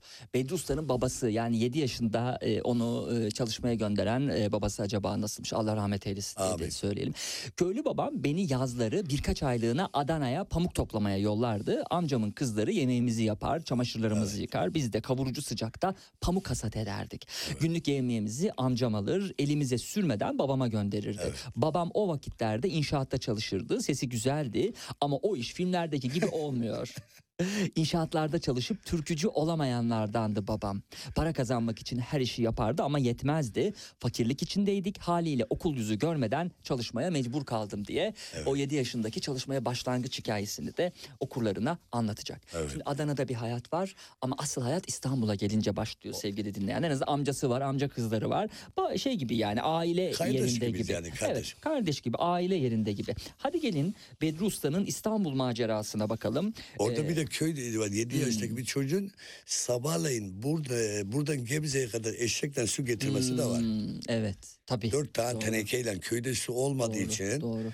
bizde de genelde bayanlar gider su almaya. Evet. Ama bizde bir iki erkek olduğu için bayan olmadığı için ben giderdim giden. Dört tenekeyle ablalarına su almaya giderdik biz. Doğru o detay da gayet Evet. sevimli bir biçimde anlatılmış. Çok eğlenceli bir e, tonda e, yazılmış işin açığı bu. E, Özlem kitabın Hanım dili de olsun. çok güzel. Editörümüz Özlem Hanım sağ olsun çok güzel uğraştı. Bayağı bir buçuk sene pandemi boyunca uğraştı yani. Hmm, evet. E, peki nasıl geri dönüşler alıyorsunuz? Çünkü sizin Instagram'daki o sosyal medya hesaplarınıza baktığımız zaman gelenlere kitaplardan hediye ediliyor. Ne diyor mesela sizin e, yemeklerinizi yiyen misafirleriniz kitabı da görünce? Her gelen günde belki 50-60 kişi bana kitap imzalıyor. Hmm. İnanılmaz mutlu oluyorum. Bir de okuyan herkes kendini orada bir şey şekilde bir şey Hmm. buluyor kendisinden. Yani çok güzel dönüşümler alıyoruz. Herkes çok beğeniyor kitabı. Evet. İnşallah e, bayağı da iyi gidiyor. İnşallah. Türkiye'nin e, en önemli kebap ustası, ustalarının başında gelen Bedri Usta ile sohbet ediyoruz sevgili dinleyenler. 10 yaşındayken İstanbul'a ayak bastım. Ülkenin en büyük şehrindeydim ve danışacak, sığınacak kimsem de yoktu. Başkasının kabusu olur ama benim için ucu nereye gideceği bilinmeyen bir macera. Artık gurbetin demindeydim. İlk günden lokantalara girip bulaşıkçı ihtiyacınız var mı diye sora sora iş aramaya başladı. Laleli'de. O zaman tabii kebapçılık daha yapmıyorsunuz. 10 yaşı, 7 yaşında Adana'ya Hayır. geldim. 10 yaşında usta oldum. Hı hı. Laleli'de Hmm. hiç unutmuyorum. Bir kebapçı girdim. Camda yazıyor. Usta, kebap ustası diye yazıyor. Hı hı hı hı. Usta lazım diye içeri girdim de dört kişi ya yürü git sen her tarafın usta olsan ne olur dedi. Boya bakıp da beni almadılar. Evet, evet. Ee, ondan sonra 3-4 gün sonra yine aynı yerden bulaşıkçı alınıyor diye yazdılar. O anda içeri girdim dedim size bulaşıkçı lazım mı? Bulaşıklar çok birikmiş ya. 5-6 Evet. kişi kolumdan tutup ay beni içeri attılar. Hmm. Oradaki amacım şuydu. Onun için Evet. gençlere diyorum ki iş seçmeyin. Eğer sende bir şey varsa sen onu ispatlasın. Ben oraya bulaşıkçı olarak girdim. Usta oldum. Evet. Usta işte gelmedi zaman. O kısmı nasıl anlatıyor Bedri Usta? Bu moralle bulduğum ilk kebapçıya girdim. Size bulaşıkçı lazım mı dediğim anda kolumdan tuttukları gibi mutfağa attılar e, diye söyleyecektir. Gelin biraz hızlı gidelim. Ustalığa ba- e, geçiş başlangıcına Evet. bir bakalım sevgili dinleyenler. Nasılmış yani hani kısa süreli oldu. Çünkü belli ki vizyoner bir e, Ne yapacağımı çocuk. biliyorum çünkü. Evet ne yapacağını biliyor aynen. Sokaklarda yatmaya başladığım o bu arada iki sene sokaklarda yattım. Evet. Ben öğreniyoruz. Gezi Parkı. Gezi Parkı'nı gezi olayları öğrendim. Her gün yattım yere ya. Hmm, bir tanıdık geldi burası diyorsunuz. Sokaklarda yatmaya başladığım o aralık bir sabah patrona aslında usta olduğumu söyledim çünkü hala birini bulamamışlardı o restoranda. Şaşırdılar tabii duyunca ocağın başına geçip marifetimi göstermemi istediler. Hani filmlerde tiyatronun başrolü gelmez genç yetenekli artiste çık bu gece sen oyna derler ya işte şimdi benim için sahne kurulmuş ve perdeler açılmıştı. Evet. O anı bize bir anlatır mısınız usta? Şişleri aldınız elinize. Dediler ki gerçekten sen usta mısın? Vallahi dedim ustayım. Onu inanmayacak 10 bana. yaş değil mi? Evet 10 yaşın. Dedim ki o zaman bana getirin etleri.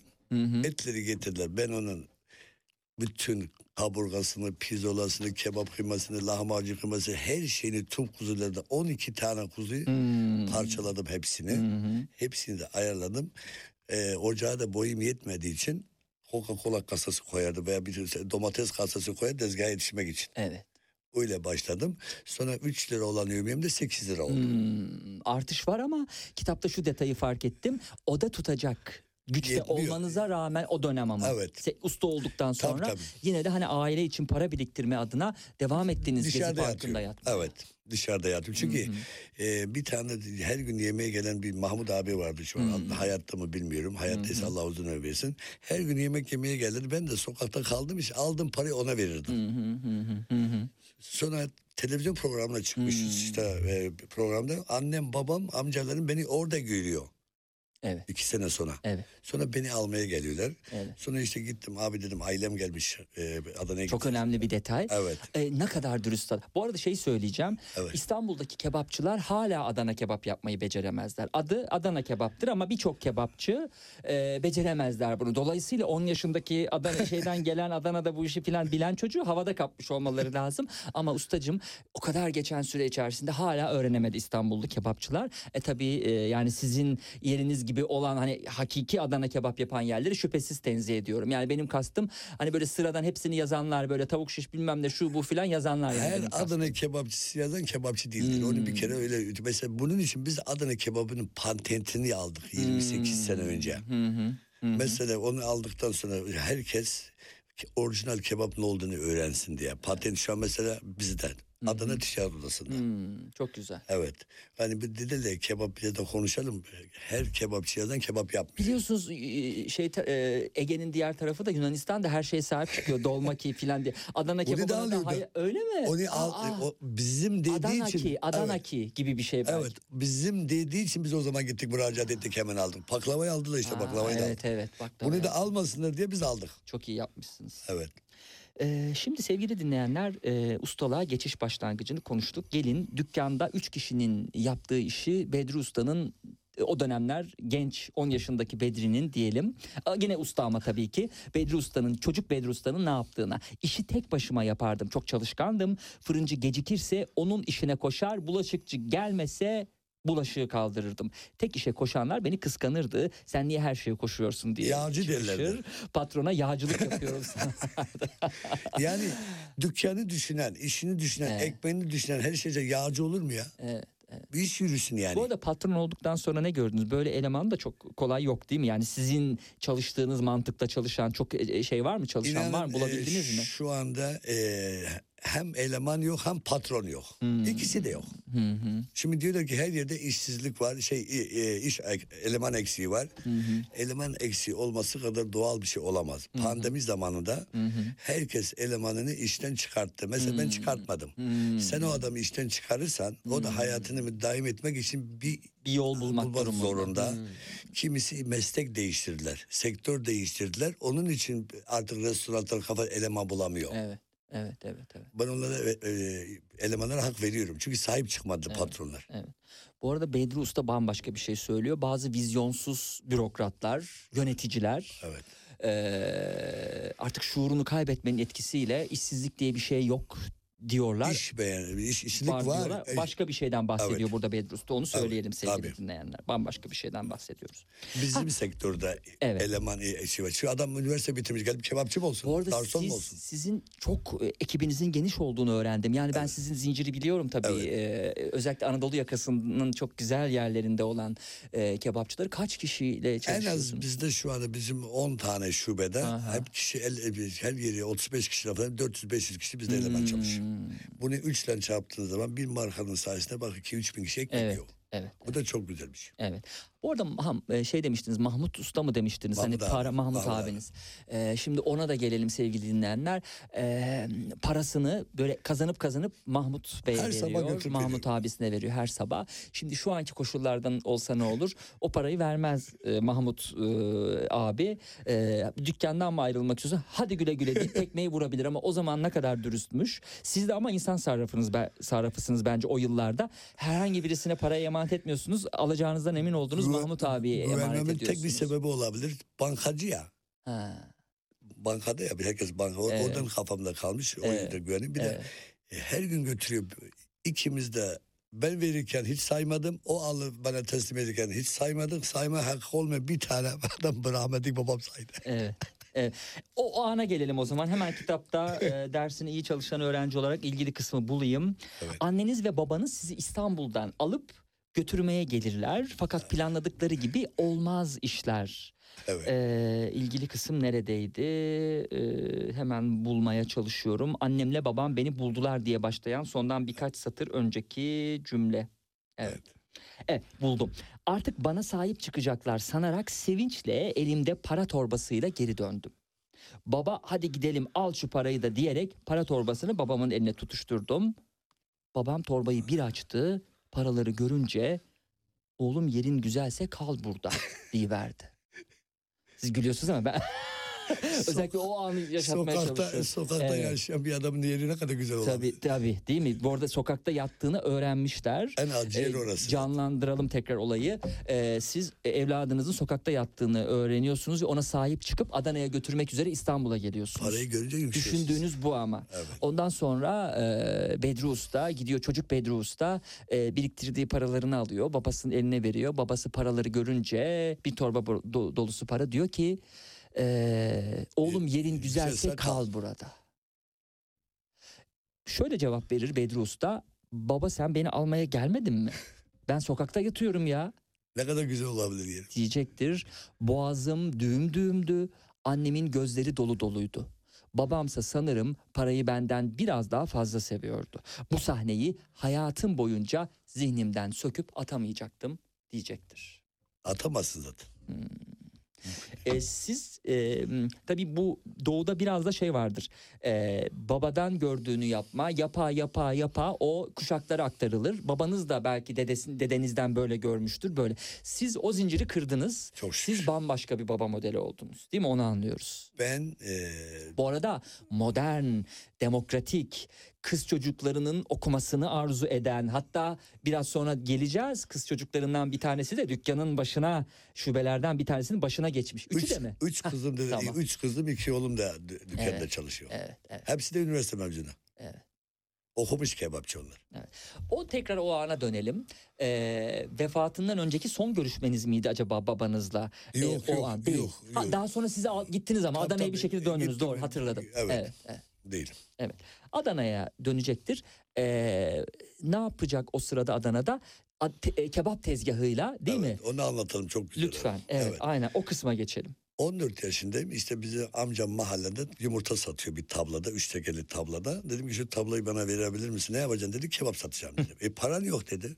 Sen dedim tablayı ver de para kolay. Hı hı. Tablayı aldım. Gittim. Bir metre mangal.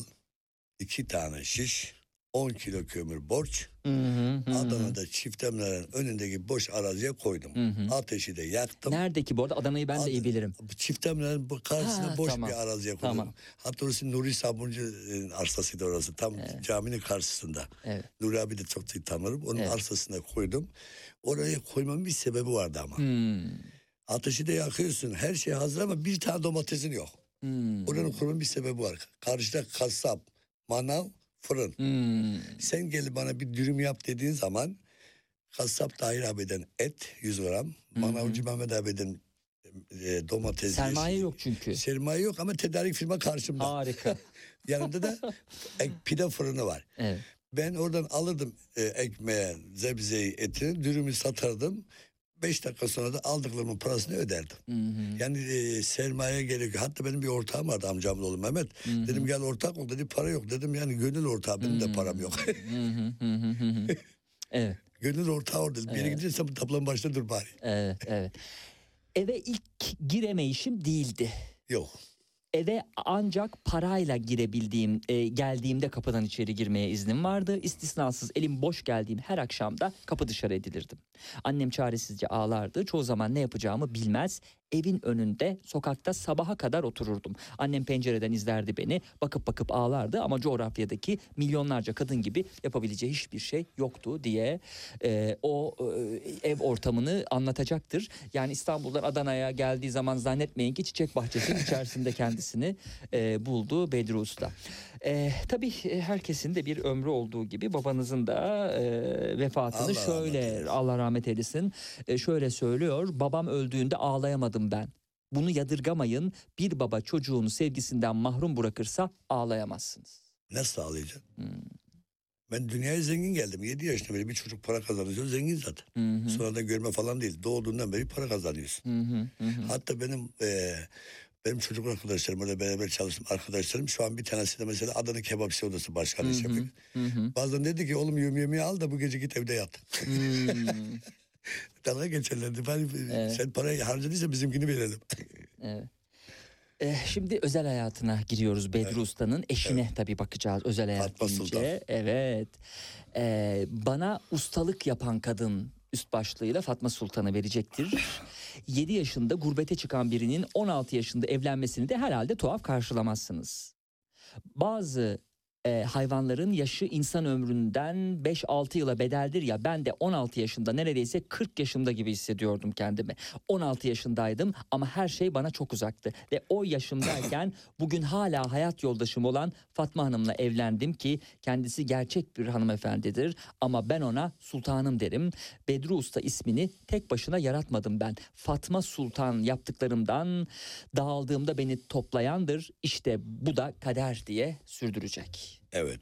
Çünkü ben e, askere gittiğimde Fatma Hanım e, geçimini sağlamak için siz belki bilirsiniz Adana'da Eskimo yaparlar. Eskimo'yu bilir misin? Tam- Bilirim Ha, tabii. Eskimo yaparlar. Bici bici daha çok biliriz Yok, ama o da bilir. Eskimo, böyle evet. e, buzdolabında e, Evet. tahta çubuklu Evet. çocuklara Eskimo satardı.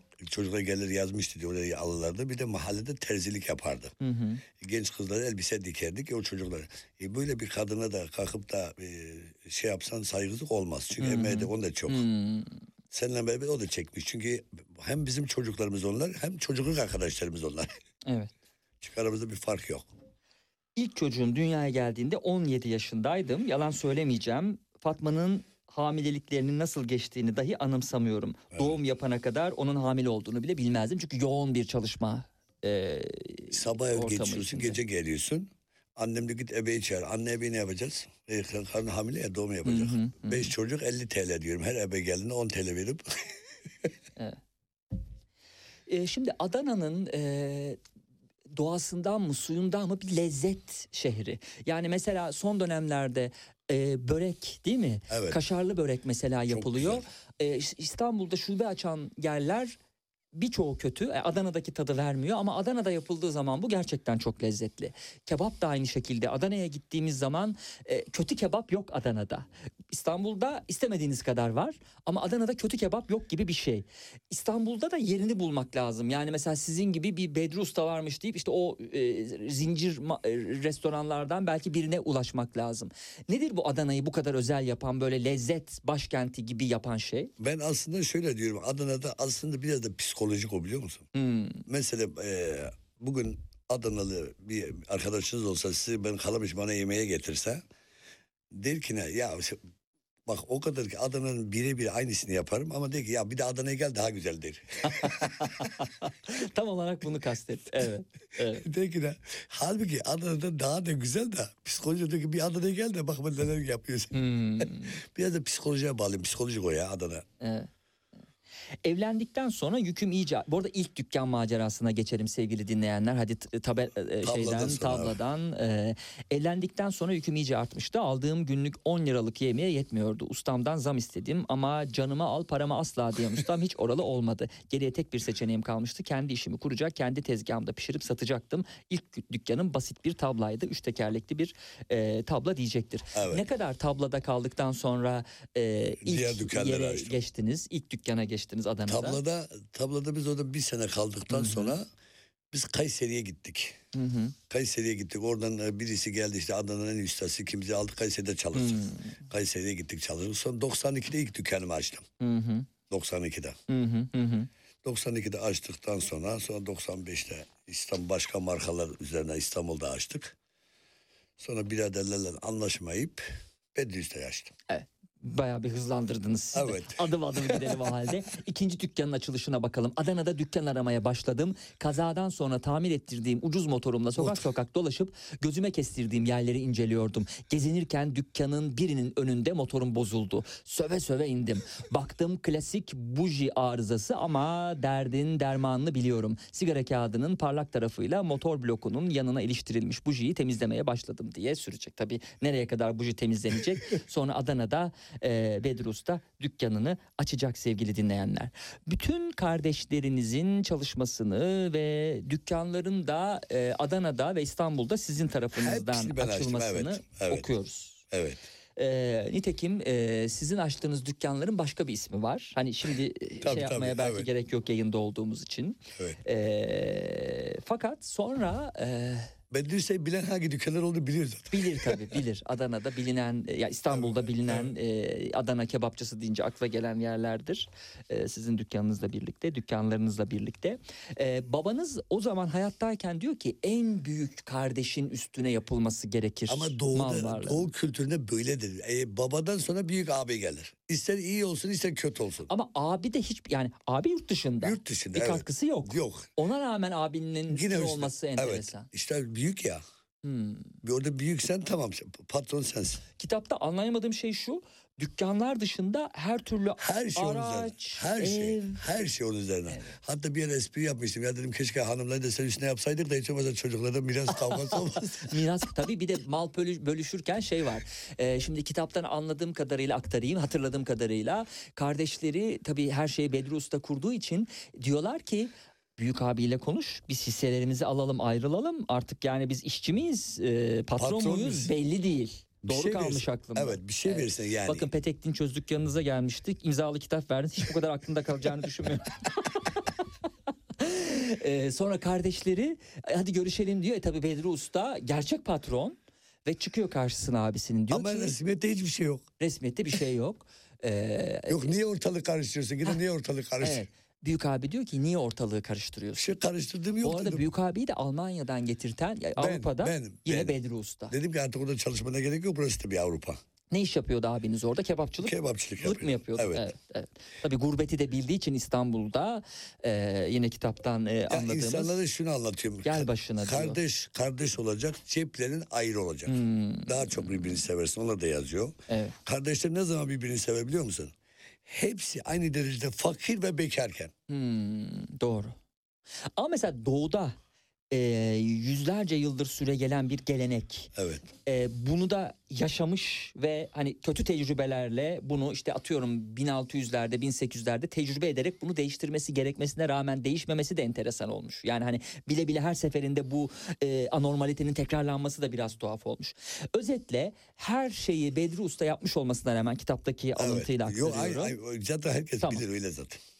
Ee, sonra diyor ki abisi yok kardeşim ayırmıyorum ne halim varsa İşinize gör. gelen kalır işine gelmek gider. Kimler gitti o sırada? Diğer kardeşler kaldılar. Tek ben bir tek gittim. siz gittiniz. De ba- ben giderken de şöyle diyorum. Bunları dedim nasılsa ben yaptım bir daha yaparım. Hmm. Madem bunları ben yaptım Çok diyorsan. büyük bir özgüven bu. Evet. Madem bunları ben yaptım diyorsan git bir daha yap da göreyim dedi. Hı hı. Hatta var olan iki markayı da kullanmayacaksın diyor. Evet. Ben ikisini de kullanmayacağım dedim. Sıfırda bir marka kuracağım dedim. Sen de göreceksin dedim. Evet, De evet. gördü de yani. Evet. Bu arada tabii radyo televizyon üst kurulu kuralları anlamında bunları bir reklam olarak biz söylemiyoruz sevgili dinleyenler. Böyle bir ara, şey bir hayat hikayesi Evet. ve gençlere de örnek olması gereken bir hayat hikayesi olduğu için biz bunu Evet. söylüyoruz ki zaten Bedri Usta'nın kendi ismi yani hani ismini Evet. de anmamazlık yapamayız yani. ee, rütükçüler kusura bakmasınlar. Yaşananlar yüzünden çok öfkeliydim. Her şeyi yeniden yaratma macerasından korkmuyordum ama en yakınlarım tarafından ihanete uğramış gibi hissediyordum kendimi. Hele ki kardeşlerimin beni ortada bırakmasını bir türlü kabullenemiyordum. Ruhsatı üzerime alan olan 2-3 araba vardı. O gün hepsini abime devrettim. Cebimde bin lira param kalmıştı. Gidip bir araba kiraladım, eve gittim. Herkesi başıma topladım. Çocukları tam karşıma oturttum. Olacakları sezmiş gibi endişeliydiler. Her biri yüzümden bir şeyler okumaya çalışıyordu. Sakince amcalarından ayrıldığımı, maddi olarak onların alıştığı eski düzeni artık onlara veremeyeceğimi, okulda da artık eski imkanları bulamayacaklarını söyledim. Kolay bir şey değil. Çünkü e, iyi kazanan e, bir e, aile ve İmkanları. ona göre özel okullarda değil mi okunuyor tabii haliyle. evet. Ona göre standartlar var. Peki e, çok ciddi bir özgüven bu. Evet. Bir e, marka yaratım sürecine girmek. E, hiç ya kurduktan sonra bir sıkıntılı bir dönem oldu mu? Olduysa ne kadar sürdü bu? Hala sıkıntı devam ediyor o zaman da. sıkıntı olmadan olur mu? Ben onları yaptım. Tekrar bir sıkıntı daha. Dört tane dükkanın bir gecede kentsel dönüşüm diye bir şey yoktu. Hmm. Kurmuş olduğum Bedri da Evet. kendisi de yıkıldı. Evet. Ama yine bıkmayacağım. Bir daha yaparım. Her şeyde bir hayır vardır diye. Hı hı. evet. Şimdi tabii Ama çocukların da çok güzel cevabı var orada bana. Diyor ki ne? Evet. Babam sen nerede mutluysan biz oradayız. Ayrıldığımız bizim için çok önemli değil. Sen nerede mutluysan biz oradayız. Gerekirse bir sene okumayız dondururuz. Evet. Gözlerinde bu cümleden sonra artık evlatlarının endişe yoktu. Üzgündüler ama benim yanımdaydılar. Bana inanıyorlardı. İliklerime kadar hissediyordum o anki Evet. desteklerini. Gerekirse okumayacaklarını, bir Evet. sene okulup dondu, okulu dondurup çalışabileceklerini dahi söylediler Evet. diyor. Tabii babası bu kadar e, hani farklı bir baba, e, gördüğünün dışında bir baba olduğu için de e, Bedri Usta da ona göre e, evlatlara sahip. Şimdi e, var mı burada ekleyeceğiniz bir şey? Değerli Yok, ustam. çocuklar işte e, okula gitmeleri gerekiyor. Son gündü. İşte amcalarını arayıp kayıt yapmalarını söyledi. Amcaları da tabii o arada e, yapmadığını. Ben de eskide yanımda çalışan, sicilleri iyi, düzgün olan çocukların içinde tekrar özel okullara kaydettim. Yokluk insanı başarılı yapar. En lezzetli yemekler malzeme azken ortaya çıkar. Çünkü yaratıcılığı zorlar. Birebir beni tanımayanlar bile benim ismimi bilirler. Bunu yapmak kolay değil. Bir gün yabancı bir firmayla ortaklık görüşmesi yaparken patron benim seninle iş yapmamın üç tane sebebi var dedi. Bir kere çok iyi bir aile babası olmuşsun. Hiç okula gitmemişsin ama pırlanta gibi çocuklar yetiştirmişsin ve okutmuşsun. Zorluklar çekmişsin ama hep dik durmuşsun. Sıkıntıda, zorda olduğunu hiç belli etmemişsin. Kimseden bir şey istememişsin. Yokken bile var demişsin diye sıraladı. Hep dik duracaksın. Hiç kimse ağzın kan dolu bile olsa kimsenin yanında boşaltmayacaksın. Çünkü sana bir faydası yok. Hı hı. Seni niye ezik görsün ki? Evet. 15 halkalık bir eee, bir zinciri idare Evet. ediyor. Eee, şimdi Sen üç tane şey sadece bir iş yapmıyorum. Ben hem yönetiyorum, e, hazırlıyorum, e, kontrol ediyorum, alım satım yapıyorum. Evet. Kolay Ciddi değil. bir yük Tabii. sırtınızda ama e, evlatlar da e, full destekçi. Hiçbir zaman bana zor gelmiyor. İnsan sevdiği işi yaptığı zaman hiçbir zaman zor gelmez. Yeter ki sevdiği iş olsun. Bir de çırağı olmadı hiçbir şeyin ustası olamaz. Üstten gelmiyorsa şu an burayı eğer radyoyu sen dışında başka bir sahibi yönetemeyecekse hiç gereği yok. Yapamaz yani. Çırağı olmadı hiçbir şey ustası olamazsınız diyorum. Her zaman söyledim bir cümle. Evet. Ateşe atılan yalnızca kebap değildir de diyor Bedri Usta destek yayınlarından e, kendi otobiyografik e, eserinde. E, devamında da insanlar kaliteli yemek için geldiğinden onları mahcup etmemem gerekiyor. Her seferinde aynı tadı aynı lezzeti vermek zorundayım. Bazısı kefil olup ağır misafirlerini yemeğe getiriyor bana. O zaman sorumluluğum daha da artmış oluyor. Onlar kendi evinde değil de benim evimde ağırlamayı tercih ediyorlar misafirlerini bana güvenip getiriyorlar diyerek de e, sorumluluğunun ne kadar e, omuzlarında olduğunu görecektir. Peki bu kitaptan sonra e, bu kitabı kardeşlerinize gönderdiniz mi? Okudular mı ya da biliyor musunuz? Hepsinde var. Hiç, e, çünkü orada kitapta e, gerçi Nur, Nur- kızlarım var. Üç kızım var. Amcalarımız hayatta diye. Aslında orada biraz e, onlarla ilgili sansür çok. Hmm, Düzeltme yaptılar. evet kestiler. Ben yapmayın dedim. Hayır dediler. Di- orada dinlemediler beni. Onun için sesleri çıkmıyor çünkü öyle orada onları kötülecek bir şey yok. Evet. Beklediklerinden çok hiçbir şey yok orada. Evet. Personel ustanın gölgesidir. E, işini iyi yapmayan herkes beni sinirlendirir. Aslında herkesi kendim gibi görüyorum. O işi benim gibi yapsın istiyorum. Çoğu zaman da bunu insanlara söylemiyorum. Söyleyeceğime kendim yapıyorum. Evet. Bu, bu gerçekten e, iş yapmanın, yaptırmanın zor tarafıdır. Yapmak çoğu zaman Daha kolay. anlatmaktan, yaptırmaktan Çok daha kolay. kolaydır. Evet. Doğru. Çok kolay. Klon teknolojisi gelişse de e, koyun yerine beni kopyalasalar diye de sürdürmüşsünüz. Say- espri olsun diye. Evet evet kitap zaten çok esprili eğlenceli Evet. bir dille kaleme alınmış. Sağ olsun. Nasıl dönüşler geldi size yayınladıktan İnanılmaz sonra? çok güzel. Herkes inanılmaz beğeniyor. Hatta ikincisi ne zaman çıkacak ikincisi ikincisi daha da güzel çıkıyor. diyeceğim. Ama bu sefer e, insan ilişkileri, restoranlarda bir de ticaretle ilgili onları anlatacağım bu sefer. Hmm, Mesela en bir örnek vereyim sana. Bizim restoranda çok zamanda ben müdür şef tutmuyorum. Çünkü anlaşamıyorum. hmm, Diyorum ki ne? Kalamış bölgesi yaşlı insan çok. hmm. Hafta sonu her yer yoğun olduğu için böyle tin tin tin ya gelen yaşlılara rezervasyon sormayın diyorum. Alın en güzel yere oturturun. Ra- Yaşlı insan rezervasyon yapmayı bilmez. Hmm. Neden rezervasyon sorma diyorum. Çok tatlı bir yönlendirme. Evet. Evet. Geldim buyurun efendim en güzel yeri al. Hmm. Gönder gider. Çocuklu aileler arabadan iniyor elin cebinde ukala bir şekilde yerimiz dolu. Sen onu geri gönderme diyorum. Hmm. Ama Al. doluysa ne yapsınlar? Doluysa da alacak yer yapmaya çalışacak. Kendisi diyecek ya tamam diyor biz başka zaman gideriz desin. Hmm. Evet. Ama siz yer yok demeyin. Hmm. Böyle bir bakın işletme anlayışı. Evet niye ben yok Patron diyeyim. anlayışı. Baksın ben uğraşıyorum abi 10 dakika sonra 5 dakika sonra kalkacak yer var. Bakacak ki ben onun için uğraşıyorum kendi gider. Sen neden yok diyorsun. Evet. Ve o e, yaş şey genç e, kız erkek çocuk demeyecek mi ya anne baba biz herkes oturuyor bizi neden buraya almıyor biz kötü insan mıyız? Ha, Her şeyi düşünmek lazım. Çok ince. Şimdi tabii kendisi söylediği için ben bu paragrafı okuyorum. Yoksa normalde okumayacaktım. Çok işçi kovmuşluğum vardı Evet. diye başlayan paragraf. Bir insan niye kovulur? Müşteriye iyi bakmazsa kovarım. Önce uyarırım ama bir uyarırım, iki uyarırım, üç uyarır, uyarırım. Bakıyorum anlamıyor, yollarım. Geçen gün sana ne dedim? Bak hala yapmıyorsun deyince haklısın derler. Personelime 6 ay bana katlanırsanız dünyanın her yerinde çalışırsınız. 6 ay bağırmama, çağırmama, kızmama her şeyime Ben katlanacaksınız. onu diyor. kovmuyorum. Kendi kendini kovduruyor. Hmm. Diyorum ki arkadaşım bu değil bir, iki, üç demek ki sen ekmek istemiyorsun o zaman. Hı hı hı. Ee, biraz da asabi biriymişsiniz. Biraz hemen parlayan. çok sinirliyim. Hmm. Ne sinirlendirir, ne kızdırır size en çok? İşini kötü yapan herkese sinirlenirim. Mesela bir Adana kebap şişten çıktı. Sizi ne çıldırtır o ada, o şişe baktığınız zaman? Vallahi giderim o kebabı kim yaptıysa kötüyse ona yedirim yani.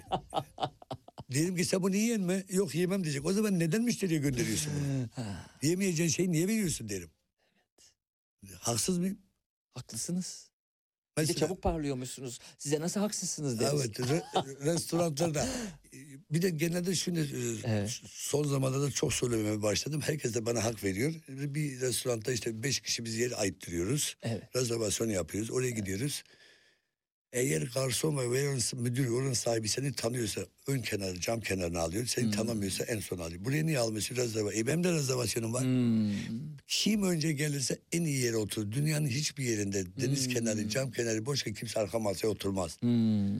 Doğru. Diyorum ki ne herkesi burada rezervasyonu var. Kim önce gelirse tanıyıp tanıman önemli değil. Herkesi sırayla alacak. Hmm. Yok buraya Ahmet gelecek, Mehmet gelecek. Ya Ahmet, Mehmet sen Ahmet'i tanıyor da Mehmet'i tanımıyor. Onun ne suçu var? Evet. Burada iyi bir yemek yemek için, iyi bir masaya oturmak için seni tanımak zorunda mıyım? Ben Bedri seni tanımak zorunda mı? Evet. Ben bunlara çok dikkat ediyorum. İkinci kitapta bunlarla ilgili Hepsini. bir el kitabı olacak Evet. adeta. Yani bir e, bu işi başlayacak olan kişilerin de okuması ve nasıl olması gerektiği yönünde bir Evet. e, bir kitap bekliyor. Ne zaman çıkar peki? Bir çalışması var mı ya da Vallahi bitti mi? Bu ne durumda? Onu destek yayın Yelcan Cumaloğlu bilir artık Yelda ablanız da varsa. Aa, evet, Sağ olsun da çok destek. İsmi kadar çok destek veriyor. evet, evet. E, destek yayınlarından çıktı sevgili dinleyenler. Ben de hafta içi e, Yelda Hanımları işte Selcan Hanımları bir ziyarete gitmiştim hafta e, ortasında. E, o esnada sizin de bu Sağ yeni olsun, çıkan eserinizi söylediler e, ve hemen biz de akışımızı programımızı Sağ ol. değiştirdik. Geçen hafta biz e, yayın için başka bir duyuru yapmıştık. Başka birilerinin geleceğini geçen haftanın programında söylemiştik ama akışımızda bu anlamda biz de değişikliğe gittik. Ağırlıklı olarak yemek kültürünü bilen, bilenler gelir bana diyorsunuz. Adana mutfağını İstanbul'a ilk taşıyanlardan biriyim ben. Eskiden Evet. biri masaya oturduğunda masaya hemen tablacı salatası, tere, nane, maydanoz, soğan koyulduğunda kaldırmamı isterdi. Çoğu misafirim ücretsiz olduğunu söylediğimde ise kalsın derlerdi. Şimdi artık öğrendiler. Ha. Vermesem ki şu diye gelmedi. Ama Evet. ilk geldiğimde kaldır kaldır bunları. Çünkü İstanbul'da bir limonu bile parayla veriyorlardı. Şimdi onların hepsini menaj olunca kalsın kalsın. Evet evet. Ee, mekanlarım asgari ücret alan işçiler için pahalı bir yer. Genelde misafirlerim şirket sahipleri üst düzey çalışanlar beyaz yakalılar oluyor diyorsunuz. Evet. Yemek yemeye gelen misafirlerim beni gördüklerinde psikolojik olarak etkilendiklerinden yemeğin çok güzel olduğunu söyleyip bana teşekkür ederler. Çoğu yemekleri benim yaptığımı zanneder. Halbuki ben yemek yapmıyorum. Artık Bedrusa da yapmayı versin bir zahmet. Yani 15 tane e, şeyin zincirin sahibi olarak. Ama insanın şunu e, e, psikolojik dedim ya demin. Evet. Usta yapıp e, garson götürse bir, mutlaka bir bahane buluyor. Piyen yapıp götürünce hiçbir bahane yok. Bu da içerideki emekçi saygısızlık ya. Peki sizi hangi e, gelen müşteri kitlesi rahatsız eder? Hani işçileri kovduğum olmuştur ya, ol- oluyor diye yazmışsınız Her yerde işçi zaten. kovulur zaten. Tabii tabii tabii. Tabii. Mesela hiç müşteri kovduğunuz oldu mu? Belki çok kaprisli bir müşteridir ne bileyim burnundan getirmiştir garsonun ya da çalış. Ama Ne sizi rahatsız eden müşteri, müşteride? müşteri bir kere halka açık olan bir yerde kovmasın. Hmm. Nasıl kovarsın biliyor musun? Gülerek kovarsın. O adamı mekana almak istemezsin ne yaparsın biliyor musun? Hmm. Kapıda Aa, abi hoş geldiniz nasılsın iyi misin gülerek dersin ya hiç şey yer yok. Bundan sonra olsa. beni kim gülerek karşılarsa bir şöyle bir O- kaşlarımı çatacağım. Sert bir şekilde kovamazsın ama ben onları gülerek kovuyorum. Hmm.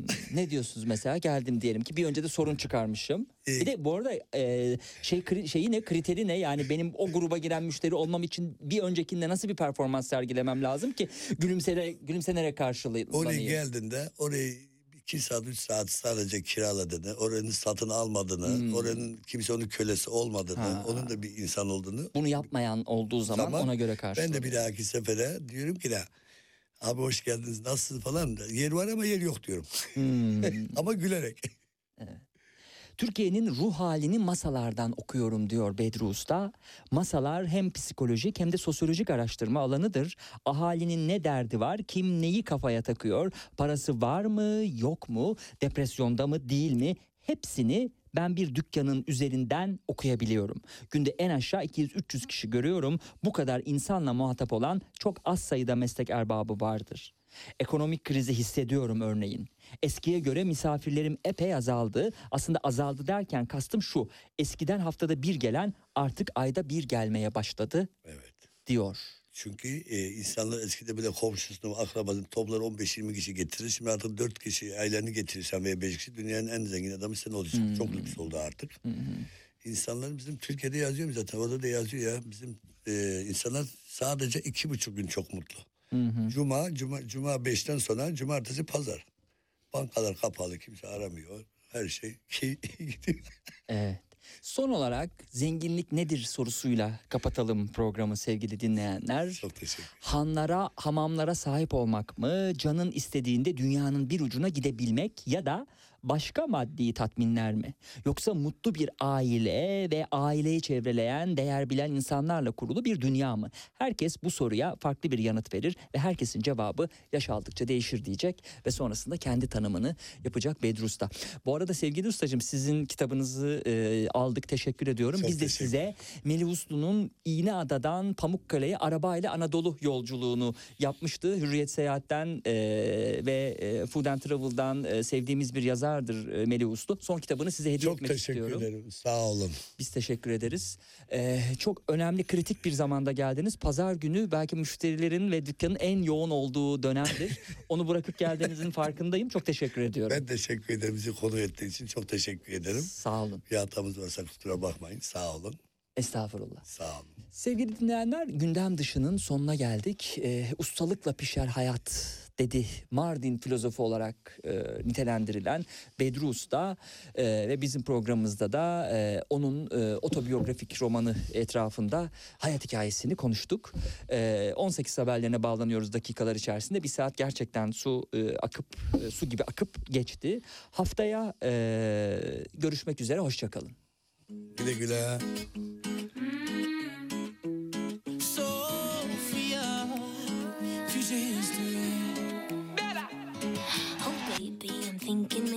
That you were always a piece of shh. You're rubbing your dirt on everyone's skirt. You know how to be a. ¿Dónde están tus modales que no aprendiste ni a saludar? Parece que hoy me gustas un poco